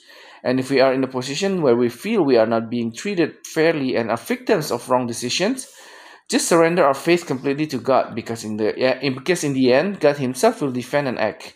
God is our just defender. Our part, keep doing what's right. Jesus bless you. Shalom. Orang yang tahan uji dipuji Tuhan. 2 Korintus 10 ayat 18. Sebab bukan orang yang memuji diri yang tahan uji, melainkan orang yang dipuji Tuhan. Merasa bangga dengan mencapai yang kita raih nggak salah, tapi ingat sesuatu yang berlebihan nggak baik. Rasa bangga yang berlebihan akan bawa kita kepada kesombongan dan lupa sama Tuhan. Gak seharusnya kita memuji diri sendiri, biar pujian itu datang dari Tuhan. Dialah orang-orang yang tahan uji. Jadi bukan orang yang memuji dirinya sendiri dan mengikuti kata orang, tapi kita sendiri yang harus mengalami sendiri bersama dengan Tuhan. Memang kita nggak bisa dengar langsung kalau Tuhan puji kita. Tapi kita percaya waktu kita hidup dalam firman-Nya, kita lagi bawa diri untuk hidup dalam perkenanan Allah. Bermegahlah dalam Tuhan supaya kita selalu ingat dan gak melupakan pertolongan Tuhan yang memberkati kerja keras dan usaha kita di dalam kebenaran. Bermegah dalam Tuhan berarti mengakui bahwa Tuhan sajalah yang dimuliakan. Sebab Tuhanlah sumber sesuatu. Supaya kita selalu tulus dan terendah hati dan biarlah Tuhan berkenan atas hidup kita. Ingat kehebatan kita itu sebenarnya ya karena kehebatan Tuhan sendiri. Tuhan membimbing orang yang rendah hati. Kalau Tuhan sudah memuji iman kita, maka nggak ada lagi jalan buntu di hidup kita. Jangan kita bangga dengan keberhasilan atau talenta yang kita punya, karena itu semua datangnya dari Tuhan. Tuhan yang selalu memampukan kita bukan karena kekuatan kita. tata hati kita supaya kita bisa bermegah karena Tuhan memuji iman, kesetiaan dan kasih kita pada Tuhan. Amin. Tuhan Yesus memberkati. Shalom. People who endure tests will be praised by God. The book of 2 Corinthians chapter 10 verse 18. For it is not those who praise themselves who stand the test, but those who are praised by God. Feeling proud of the achievements we have achieved is not wrong, but remember that too much is not good. Excessive pride will lead us to arrogance and forgetting God. Actually, we shouldn't praise ourselves. Let the praise come from God. He is the one who can stand the test. So it's not people who praise themselves and follow what people say, but we ourselves have to experience it ourselves with God. Indeed, we cannot hear directly when God praises us, but we believe that when we live in His world, in His word, we are bringing ourselves to live in God's favor. Boast in God so that we will always remember and not forget God's help, who blesses our hard work and efforts in the truth. To glory, to glory in God um, means to acknowledge that God alone is glorified, because God is the source of things so that we are always sincere and humble and let God be pleased with our lives. Remember that our greatness is because of God's own greatness. God guides humble people. If God has praised our faith, then there will be no more dead ends in our lives. Let us not be proud of the success or talents we have because it all comes from God. God who always enables us, not because of the strength that we had. Order and manage our hearts so that we can boast before uh, because God praises our faith, faithfulness, and love for God. Amen. Jesus bless you. Shalom. Jangan malas. Amsal 24 ayat 33 34. Tidur sebentar lagi, mengantuk sebentar lagi. Melipat tangan sebentar lagi untuk tinggal berbaring, maka datanglah kemiskinan seperti seorang penyerbu dan kekurangan seperti orang yang bersenjata. Nats barusan menyampaikan pesan yang sangat relevan tentang ketidakhati-hatian dan dampak buruk dari kemalasan. Pemasmur menggambarkan kemalasan seperti orang yang terus-terusan tidur dan ngantuk, malas kerja, dan akhirnya merugi karena datangnya kemiskinan dan kekurangan. Renungan dari ayat itu ngajarin kita tentang pentingnya disiplin, tanggung jawab, dan kerja keras. Kehidupan orang percaya nggak boleh ditandai dengan sikap malas atau menunda-nunda pekerjaan yang perlu dilakukan. Kalau kita terlalu banyak tidur, mengantuk, malas, kita berpotensi kehilangan kesempatan serta ada dalam kondisi kekurangan, mau itu secara finansial ataupun rohani. Contoh, Raja Salomo dikenal karena hikmatnya yang luar biasa. Salomo merupakan seorang pemimpin yang disegani dan kaya karena kebijaksanaan dan kerja kerasnya dia. Tapi pada akhir hayatnya Salomo mulai mengizinkan dirinya terpengaruh oleh perempuan-perempuan asing dan akhirnya menyerahkan hatinya kepada berhala-berhala. Nah, kelemahan ini mengakibatkan pecahnya kerajaannya setelah kematian Salomo. Dari kisah Raja Salomo, kita bisa belajar hidup dengan bijaksana dan bertanggung jawab. Jangan biarin kemalasan atau ketidaksungguhan menguasai hidup kita. Sebaliknya, kita harus tetap setia kerja keras, jalanin tugas-tugas dengan semangat, giat, dan mengerjakan apa yang Tuhan sudah percayakan kepada kita. Hari ini, buat komitmen untuk jadi orang-orang rajin, setia, dan bijaksana dalam memanfaatkan waktu. Kalau kita ngelakuinnya, maka kita akan melihat Tuhan memberkati usaha kita. Kita akan rasain berkat dan pengenapan Tuhan dalam setiap aspek kehidupan kita. Amin. Tuhan Yesus memberkati.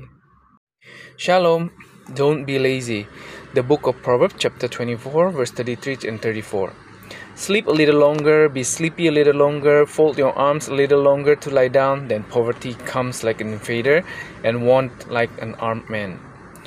The text we read, uh, we read just now conveys a very relevant message regarding carelessness and the bad effect of laziness. The psalmist describes laziness is as someone who is constantly asleep, sleepy, reluctant to work, and ultimately loses because of poverty and lack. Reflection on this verse teach us about the importance of discipline, responsibility, and hard work. The life of a believer should not be marked by laziness or putting off work that needs to be done. When we sleep too much, we are sleepy and lazy, we have the potential to miss opportunities and be in a state of deprivation, both financially and spiritually. For example, King Solomon. He is, was known for his extraordinary wisdom. Solomon was a respected and wealthy leader because of his wisdom and hard work. However, at the end of his life, Solomon began to allow himself to be influenced by foreign women and finally gave his heart to idols. This weakness resulted in disintegration of his kingdom after Solomon's death. From the story of King Solomon, we can learn to live wisely and responsibly. Don't let laziness and insincerity rule our lives. On the contrary, remain faithful to work hard, carry out tasks diligently, and do what God has entrusted to us. Today, make a commitment to be diligent, loyal, and wise in using your time. If we do it, then we will see God bless our efforts. We will feel God's blessing and fulfillment in every aspect of our lives. Amen. Jesus bless you. Shalom. Dengan Allah kita menang. Mazmur 60 ayat 12. Dengan Allah akan kita lakukan perbuatan-perbuatan gagah perkasa, sebab Ia sendiri yang akan menginjak-injak para lawan kita. Dalam hidup ini, kita sering dihadapi dengan berbagai tantangan, kesulitan, dan musuh-musuh yang mau menghancurkan serta menggagalkan rencana Tuhan bagi kita. Tapi sebagai anak-anak Tuhan, kita nggak perlu takut atau putus asa. Karena kita punya Allah yang maha perkasa di pihak kita. Contohnya ya, kisah Daud lawan raksasa Goliat. Waktu Daud sadar bahwa Allah adalah kekuatannya, dia nggak ragu untuk hadapin musuh yang jauh lebih besar dan tangguh darinya. Dengan iman yang teguh, Daud melemparkan batu melawan Goliat dan mengalahkannya dengan kekuatan Allah yang bekerja bersama-sama dengan iman dan keterampilan Daud. Ajakan buat anak-anak Tuhan dari ayat ini adalah untuk gak pernah nyerah, tetap berjuang, dan percaya kalau Allah selalu bersama dengan kita. Waktu kita berjalan sama Tuhan, kita akan temuin kekuatan dan keteguhan hati untuk menghadapi segala rintangan. Selain itu, kita harus ngandelin Allah bukan hanya saat menghadapi masalah besar, tapi juga dalam hal-hal kecil sehari-hari. Setiap kali kita percaya dan andalin Tuhan, dia akan tunjukin kekuatan yang gak terbatas dan injak-injak para lawan kita. Musuh mungkin datang dalam berbagai bentuk, kayak rasa takut, ketidakpastian, godaan, atau ketidakadilan. Tapi sebagai anak-anak Tuhan, kita nggak sendiri, karena Allah ada bersama kita. Mari hidup dengan keyakinan penuh bahwa kita punya Allah yang perkasa di sisi kita dan berjalan dalam kuasanya. Jadi kita bisa ngelakuin perbuatan-perbuatan gagah perkasa dan menghadapi segala tantangan dengan penuh keberanian. Dengan Allah, kita menang. Amin. Tuhan Yesus memberkati. Shalom. With God we win. The book of Psalm, chapter 60, verse 12. With God we will do mighty deeds, for he himself will trample our opponents. In this life, we are often faced with various challenges, difficulties, and enemies who want to destroy and thwart God's plans for us. However, as children of God, we do not need to be afraid or despair, because we have the Almighty God on our side. For example, the story of David fighting the giant Goliath. When David realized that God was his strength, he did not hesitate to face enemies who were much bigger and tougher than him. With firm faith, David threw a stone against Goliath and defeated him by the power of God, working together with David's faith and skill. The invitation for God's children from this verse is to never give up, keep fighting, and believe that God is always with us. When we walk with Him, we will find the strength and courage to face all obstacles. Apart from that, we must rely on God not only when facing big problems but also in small things every day. Every time we trust and rely on Him, He will show His infinite power and trample our opponents. Enemies may come in many forms, such as fear, uncertainty, temptation, or injustice. But as God's children, we are not alone because God is with us. Let's live with full confidence that we have a mighty God by our side and walk in His power so that we can do mighty deeds and face all challenges with courage. With God, we win. Amen. Jesus bless you. Shalom. Kuat bersama Tuhan. 2 Korintus 12 ayat 9. Tetapi jawab Tuhan kepadaku, Cukuplah kasih karuniaku bagimu, sebab justru dalam kelemahanlah kuasaku menjadi sempurna. Sebab itu terlebih suka aku bermegah atas kelemahanku, supaya kuasa Kristus turun menaungi aku. Kasih karunia itu kehadiran, kemurahan, dan kuasa Allah. Kasih karunia adalah suatu kekuatan surgawi yang dikaruniakan ke kita yang berseru kepada Allah. Kasih karunia akan diam di dalam diri orang percaya yang setia yang mengalami kelemahan dan kesukaran demi mempertahankan iman. Kelemahan bukan artinya lemah karena dosa ya yang pantas bikin kita malu dan sedih. Tapi penderitaan, celaan, kekurangan, penganiayaan, atau kesusahan-kesusahan yang kita alami bersama Kristus. Rasul Paulus di dalam ayat uh, tadi mengatakan bahwa dia bermegah dan bersuka cita atas hal ini. Kelemahannya adalah karena semuanya itu merupakan kesempatan buat Kristus menyatakan kuasa dan kecukupan kasih karunia bagi hidupnya. Sama kayak Rasul Paulus yang ngalamin kelemahan, ada kalanya di antara kita pernah atau bahkan lagi ngalamin sakit penyakit, celaan, kesusahan yang rasanya nggak pernah berakhir. Kita ngerasa kalau kasih karunia udah nggak ada lagi dalam diri kita. Nah, buang jauh-jauh deh tuh pikiran-pikiran seperti itu. Mungkin hari ini kita belum ngerti maksud Tuhan, tapi suatu saat nanti kita akan mengerti dan semuanya akan terjawab di waktu yang tepat. Buat kita yang terpenting adalah waktu kita sedang berada di dalam kelemahan, ingat kasih karunia Tuhan tetap ada dalam hidup kita. Tuhan akan kasih kekuatan dan penyertaan sampai kita dapat bisa tetap kuat dalam menjalani berbagai pencobaan. Allah adalah sumber kekuatan kita. Amin. Tuhan Yesus memberkati. Shalom. Strong with God. The book of 2 Corinthians chapter 12 verse 9. But the Lord answered me, My grace is sufficient for you For it is in weakness that my power is made perfect. Therefore, I would rather boast about my weaknesses, so that the power of Christ may fall on me. Grace is God's presence, mercy, and power. Grace is a heavenly power that is given to us who call on God.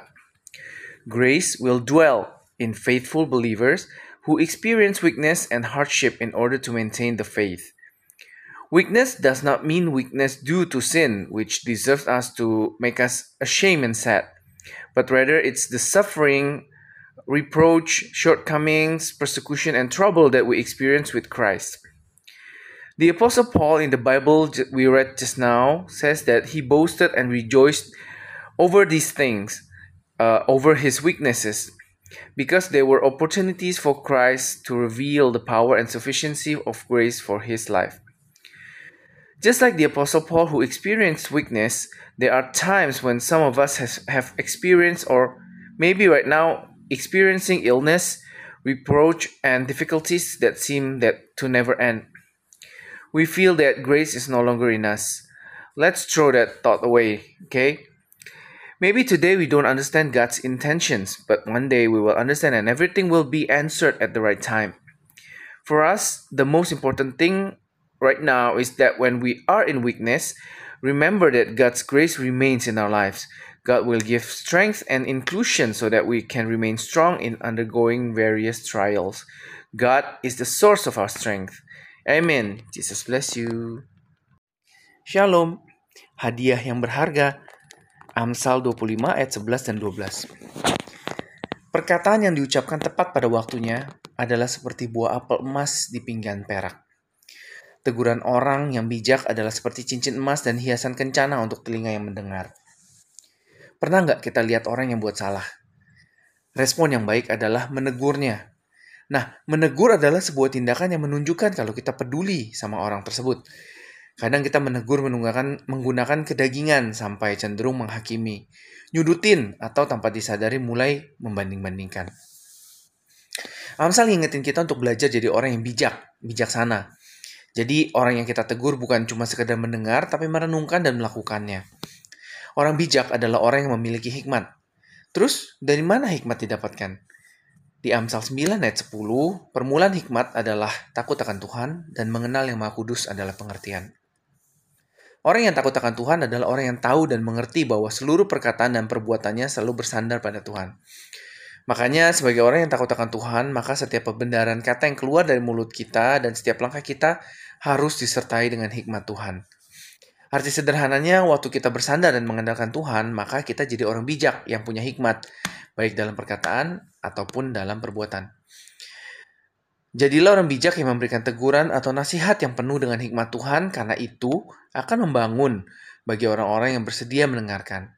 Bagi mereka yang mendengarkan, teguran itu seperti hadiah yang sebanding dengan perhiasan dari emas murni. Amin. Tuhan Yesus memberkati. Shalom, a valuable gift. The book of Proverbs, chapter 25, verse 11 and 12. A word spoken at the right time is like golden apples in a silver dish. The rebuke of a wise person is like a gold ring and gold ornaments for the ear that hears. Have we ever seen someone who made a mistake? A good response to is to reprimand him. Reprimanding is an action that shows that we care about that person. Sometimes we rebuke using the flesh, so we tend to judge, corner, or without realizing it, start to compare. Proverbs reminds us to learn to be wise. so that the people that we rebuke don't just listen but reflect and do it. A wise person is a person who has wisdom. So, where does wisdom come from? The book of Proverbs, chapter 9, verse 10 The beginning of wisdom is the fear of the Lord, and to know the Holy One is understanding. A person who fears God is a person who knows and understands that all his words and actions always rely on God.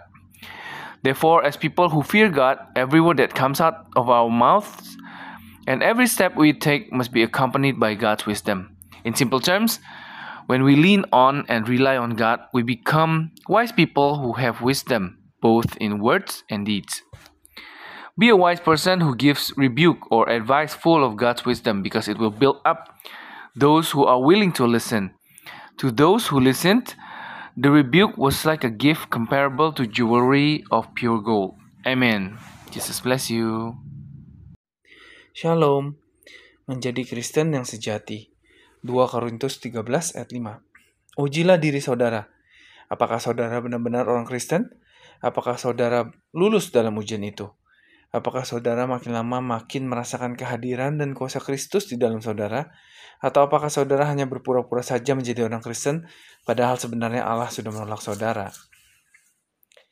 Kalau ngedengar kata Kristen, sering deh pandangan semua orang langsung ketuju ke mereka yang sibuk keluar masuk gedung gereja, terlibat sama kegiatan-kegiatan kerohanian di gereja, atau mereka yang kelihatan mengenakan aksesoris, kayak kalung salib, t-shirt, atau mobil yang ada gambar atau stiker ayat-ayat Alkitab. Bener nggak? Ternyata tanda yang menunjukkan bahwa seseorang adalah pengikut Kristus atau Kristen bukan dilihat dari atribut-atribut yang dipakai seperti itu. Paulus bilang, ujilah diri kita, apakah kita benar-benar orang Kristen. Lalu dia melanjutin bahwa ciri orang Kristen yang sejati adalah orang yang bisa ngerasain kehadiran dan kuasa Kristus di dalam dirinya. Bukan orang yang pura-pura dengan macam-macam atribut kekristenan. Kristen itu artinya pengikut Kristus. Orang-orang ikutin gaya hidup seperti Kristus waktu dia ada di dunia ini. Maka mereka disebut sebagai orang Kristen pertama kali di Antioquia, Syria. Pertanyaannya sekarang adalah apa kita ini termasuk Kristen yang sejati atau kita termasuk Kristen yang palsu? Ayo kita uji diri kita, apa hidup kita sehari-hari udah ngikutin teladan Kristus? Apa kita masih bisa ngerasain kehadiran dan kuasa Kristus di dalam hidup kita? Kalau belum, tentu kita belum jadi Kristen yang sejati. Ayo kita datang ke Tuhan, minta kekuatan Roh Kudus untuk bisa memampukan kita jadi Kristen yang sejati. Amin. Tuhan Yesus memberkati. Shalom. Become a true Christian. The book of 2 Corinthians chapter 13 verse 5. Test yourself. Are you really a Christian? Have you passed the test? Have you felt more and more the presence and the power of Christ within you? Or are you just pretending to be a Christian when in fact God has refused you?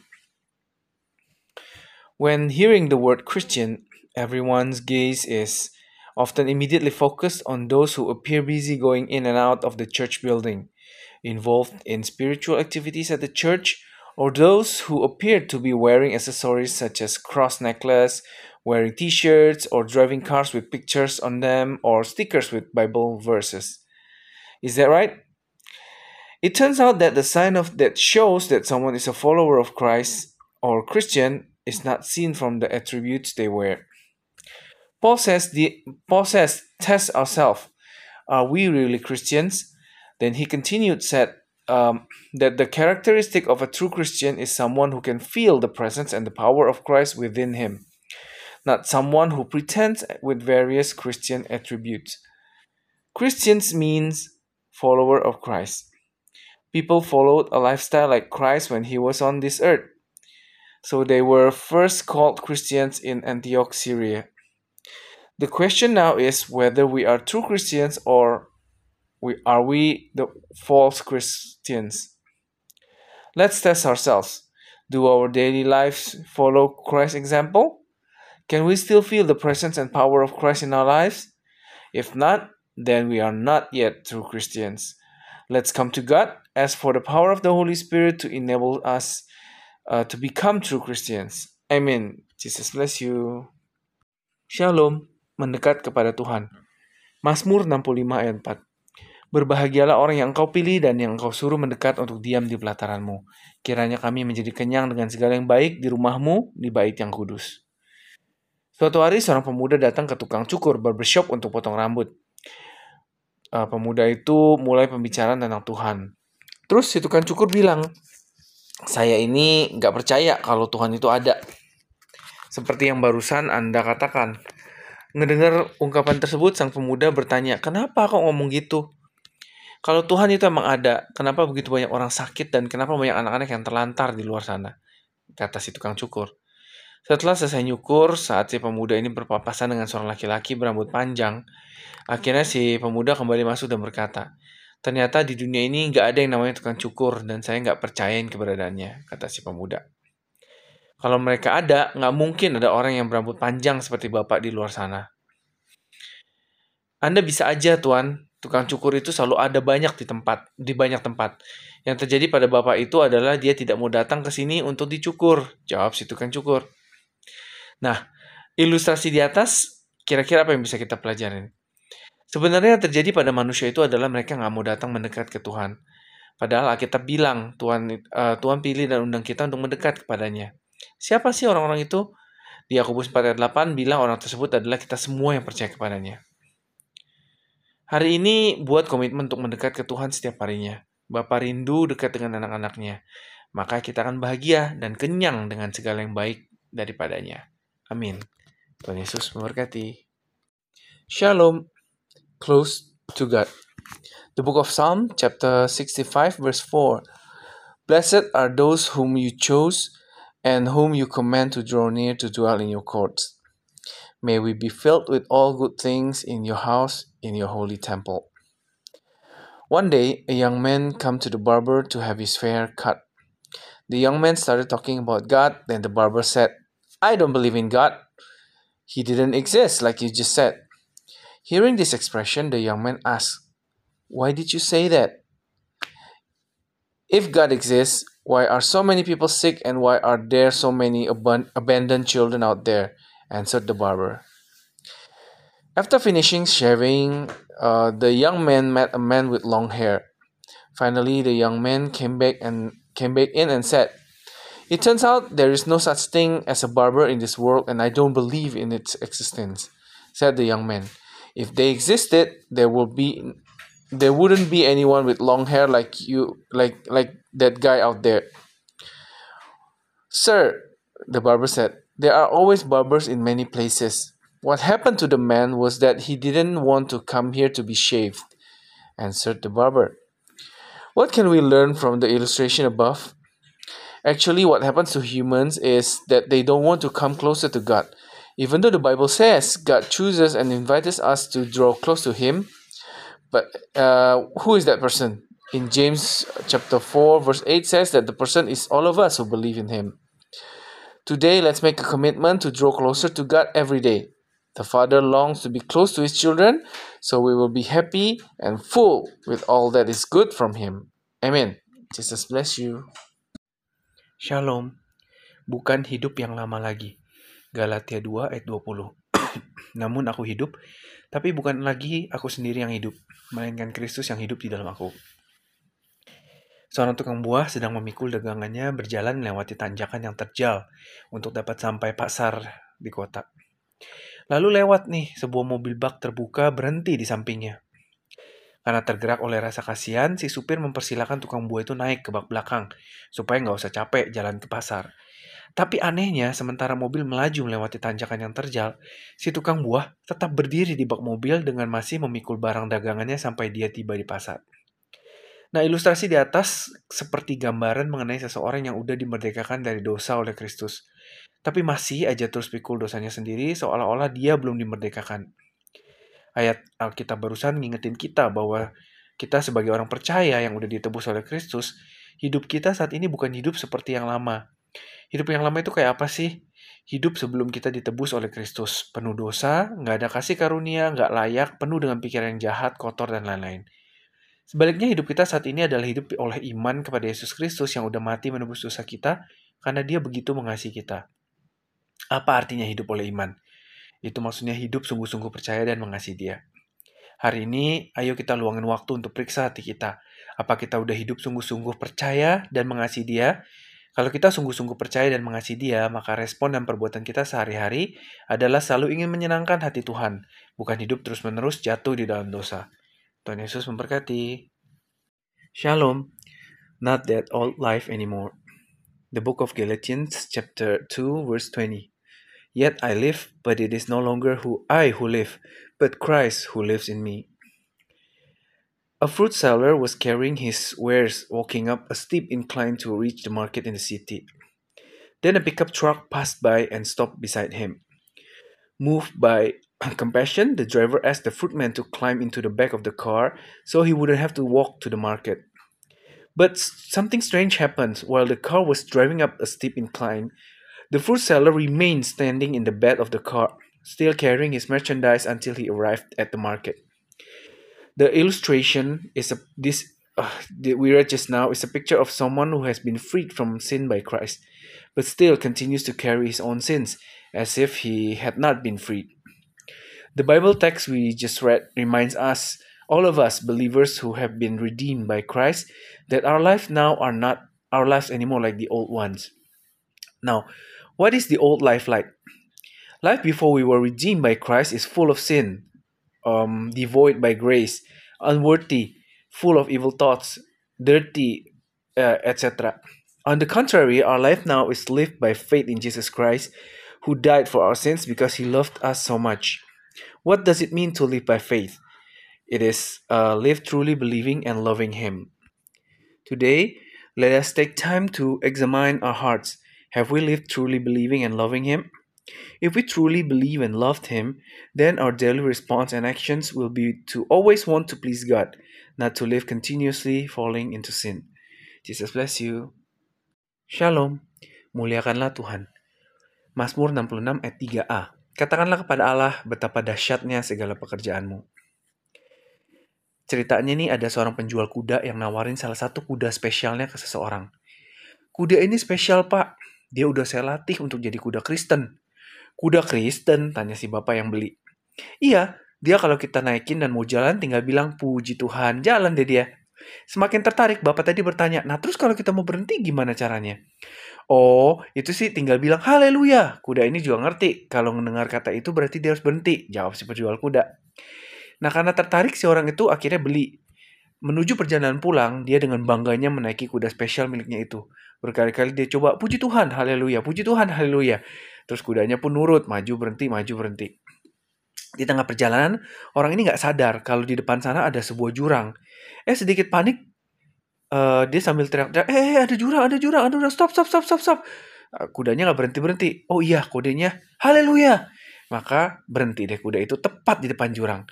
Waktu berhenti, si bapak secara refleks berkata, Puji Tuhan, saya masih ingat kode berhentinya. Nah, dengar kata puji Tuhan, kudanya maju dan masuk jurang sama Tuhan barunya itu. Nah, dari cerita itu, apakah sih sebenarnya memuliakan Tuhan itu apa seperti pemilik kuda di atas yang sekedar latah, haleluya, atau puji Tuhan? Nah, barusan nulisin katakanlah kepada Tuhan, berarti ada sebuah pengakuan yang keluar dari mulut kita bukan sekedar ucapan aja, tapi kita memuliakan Tuhan karena mengakui dengan penuh kesadaran dan kekaguman bahwa memang Dia itu besar dan dahsyat. Hari ini coba renungin, bagaimana sih cara kita memuliakan Tuhan? Apa cuma sekedar dan tanda kutip latah memuliakan Tuhan? Atau kita memuliakan Tuhan karena sadar dan mengakui dengan penuh kekaguman bahwa memang benar dia layak dipuji dan dimuliakan setiap harinya atas hidup kita. Tuhan Yesus memberkati. Shalom. Glory to God. The book of Psalm chapter 66 verse 33a. Say to God, How awesome are all your works! Once upon a time, there was a horse seller who offered one of his special horses to someone. This horse is special, sir. I have trained him to be a Christian horse. What? Christian horse? asked the buyer. Yes, if we take him out and we want to go, just say, Praise God, then he will go. Increasingly interested, the the buyer asked, So, what do you do if you want to stop? Oh, that's just saying hallelujah. Then this horse also understands that hearing that word means he has to stop, answered the horse seller. Now, because he was interested, the buyer finally bought the horse. On his way home, he proudly rode his special horse. Many Anytime he tried, uh, praise God, hallelujah, praise God, hallelujah, and the horse obeyed and stopped. In the middle of the journey, this person didn't realize that there was a ravine ahead. And a little panic, uh, he's trying to say, Stop, stop, stop. But the horse didn't stop. And he remembered the quote is Hallelujah. And the horse stopped right in the front of the cliff. When he stopped, the buyer said, Praise God. I still remember how to stop. Hearing the word praise God, the horse moved forward and entered the ravine, the cliff, uh, fall into the cliff with the new master. Now, in your opinion, what is actually glorifying God? Is it like the horse owner uh, who just said, uh, Hallelujah, praise God? The text we read just now um, say to God. This means that there is a confession that comes out, out of our mouths. It's not just words, but we glorify God because we acknowledge with full awareness and admiration that it is true. He is big and awesome. Now, today, try to think about how uh, we glorify God. Is there only just talking about glorifying God? Or do we glorify God because we are aware and acknowledge with admiration that He is truly worthy of praise and glorification every day for our lives? Jesus bless you. Shalom. Satu dalam Kristus. Galatia 3 ayat 28. Dalam hal ini nggak ada orang Yahudi atau orang Yunani, nggak ada hamba atau orang merdeka, nggak ada laki-laki atau perempuan, karena kamu semua adalah satu di dalam Kristus Yesus. Dalam kehidupan sehari-hari, baik itu di dalam keluarga, lingkungan tetangga, pekerjaan, atau di dalam gereja, selalu ada kecenderungan sebagian orang untuk bersikap memandang kelompok, golongan, atau suku yang lain lebih rendah atau buruk. Hal ini didasari pada pengajaran turun-temurun yang mengatakan golongan atau suku tertentu atau etnis kita lah yang paling baik. Selain itu, hal-hal seperti kekayaan, kepandaian, kecantikan atau kegagahan, jabatan sering juga menyebabkan seseorang memandang rendah orang lain. Hal-hal tersebut membuat seseorang cenderung hanya berkumpul atau akrab dengan orang-orang yang tergolong, uh, segolong lah ya atau seetnis, kaya dan miskin. Hal ini tentu nggak selaras dengan ajaran kasih dari Tuhan Yesus bahwa setiap orang diciptakan sama atau sederajat di hadapan Tuhan. Sikap membeda-bedakan juga terjadi di jemaat Galatia, Jemaat Galatia terdiri dari orang-orang yang berbeda latar belakang dan status sosial. Jadi Paulus meyakinkan bahwa mereka adalah satu di dalam Kristus dan sama-sama memperoleh janji keselamatan. Semua sama dan perlu untuk saling mendukung dalam pertumbuhan rohani. Seharusnya kalau seseorang berada dalam Kristus, maka mereka adalah saudara kita di dalam Tuhan. Jangan dibatasin oleh suku, status sosial, dan yang lain-lain. Justru perbedaan seharusnya membuat kita bisa bersatu dan saling ngelengkapin kekurangan masing-masing, karena nggak ada manusia yang sempurna. Coba deh hari ini kita luangin waktu untuk merenung apa kita udah bisa terima perbedaan. Dimulai dari keluarga kita, saudara kita, saudara seiman kita, bahkan sesama rekan pekerjaan kita. Tuhan Yesus memberkati. Shalom. One in Christ. The book of Galatians chapter 3 verse 28. In this case there is another there's neither Jew or Greek. there is neither slave nor free There is neither male nor female, for you are all alone, all one in Christ Jesus. In everyday life, whether in the family, neighborhood, work, or even in the church, there's always a tendency for some people to view other groups, to look down at groups or tribes as um, as like they are inferior. This is based on the teachings passed down from generation to generation, which which say our group, tribe, or ethnicity uh, is the best. Apart from that, things such as wealth, intelligence, beauty, position often cause someone to look down on other people. These things make a person tend to only gather and get along with people of the same class or ethnicity, uh, rich and poor. This is certainly not in line with the teaching of love from the Lord Jesus, that everyone is created equal before God. Discriminating attitudes also occurred in the Galatian congregation. The Galatians consisted of people with different backgrounds and social status. So Paul assured that they were one in Christ and shared the promise of uh, salvation. All are equal and need to support each other in spiritual growth. If someone is in Christ, they should be our brothers and sisters in God. Don't be limited by ethnicity, social status, etc. In fact, differences should enable us to unite and complement each other's shortcomings because no one is perfect. Let's try to make time today to reflect. Are we able to accept differences, starting from our family, our brothers and sisters, our fellow believers, and even our fellow workers. Jesus bless you. Shalom, pegang teguh keselamatan. Galatia 4 ayat 11. Aku khawatir kalau-kalau susah payahku untuk kamu telah sia-sia. Di belahan benua Asia ini, tradisi dan adat istiadat masih sangat kuat mempengaruhi kehidupan masyarakatnya. Bahkan beberapa orang merasa nggak etis atau bermoral kalau nggak ngelakuin tradisi tersebut. Nggak sedikit juga mereka yang mempercayai kekuatan lain di luar Tuhan. Misal kekuatan roh-roh tertentu atau berupa benda yang sering disebut jimat. Kekuatan ini dipuja sedemikian rupa sehingga diadakan ritual-ritual khusus dengan sesajen yang dijadikan persembahan. Semua itu dilakukan sebagai upaya untuk mencari keselamatan, terutama selama hidup di dunia ini.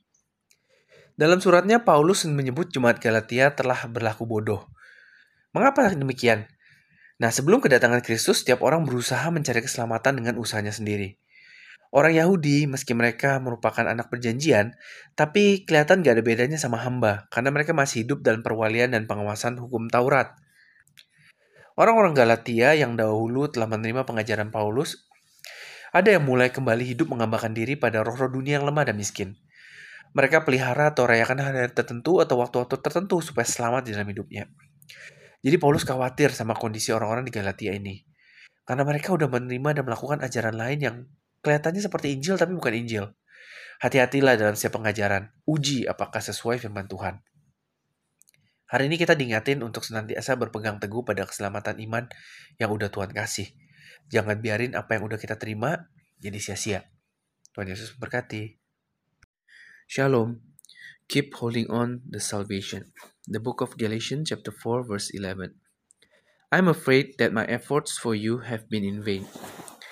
In this part of the Asian continent, tradition and customs still strongly influence people's life.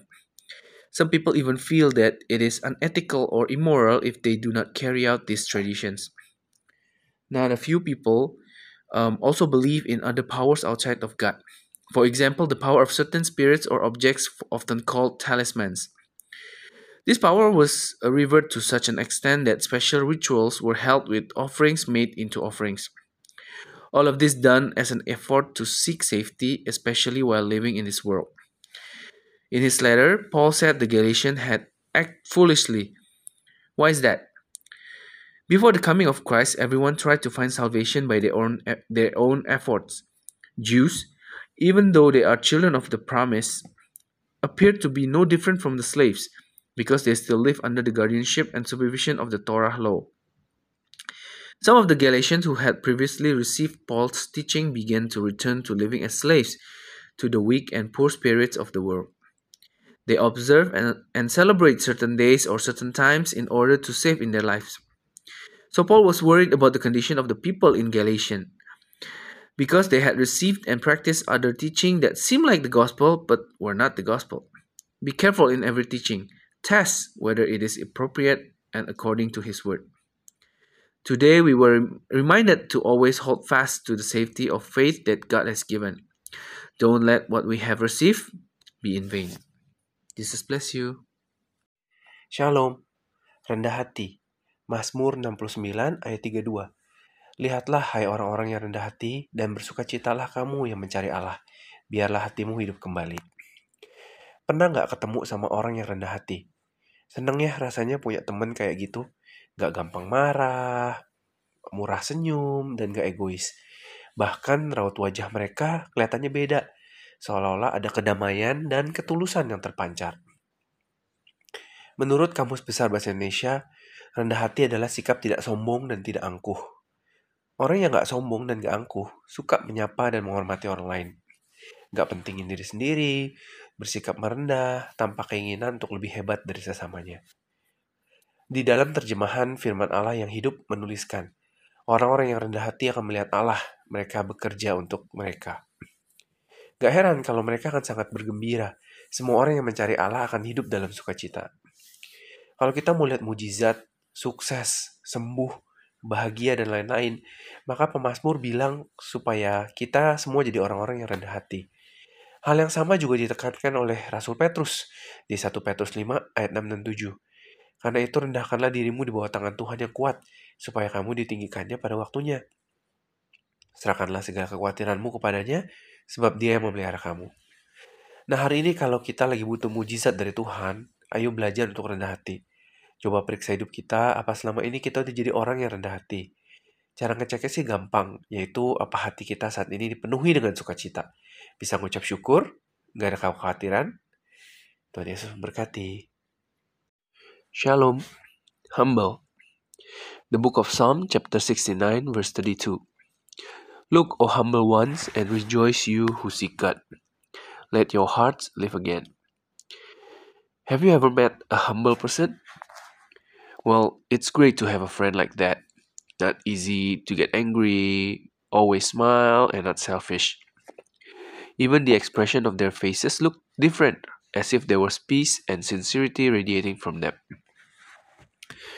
According to the Dictionary of Indonesia, humility is an attitude that is not arrogant or haughty. People who are not arrogant like to greet and respect others. Selfless, humble, without the desire to be great than others. And in the Word of the Living God translation, it is written, Those who are humble will see their God working for them. No wonder they would be so happy. Everyone who seeks God will live in joy. If we want to see miracles, success, healing, happiness, and so on, the psalmist tells us all to be humble people. The apostle Peter emphasized the same thing in uh, 1 Peter chapter 5 verse 6 and 7. Therefore humble yourself under the mighty hand of God, so that he may exalt you in due time.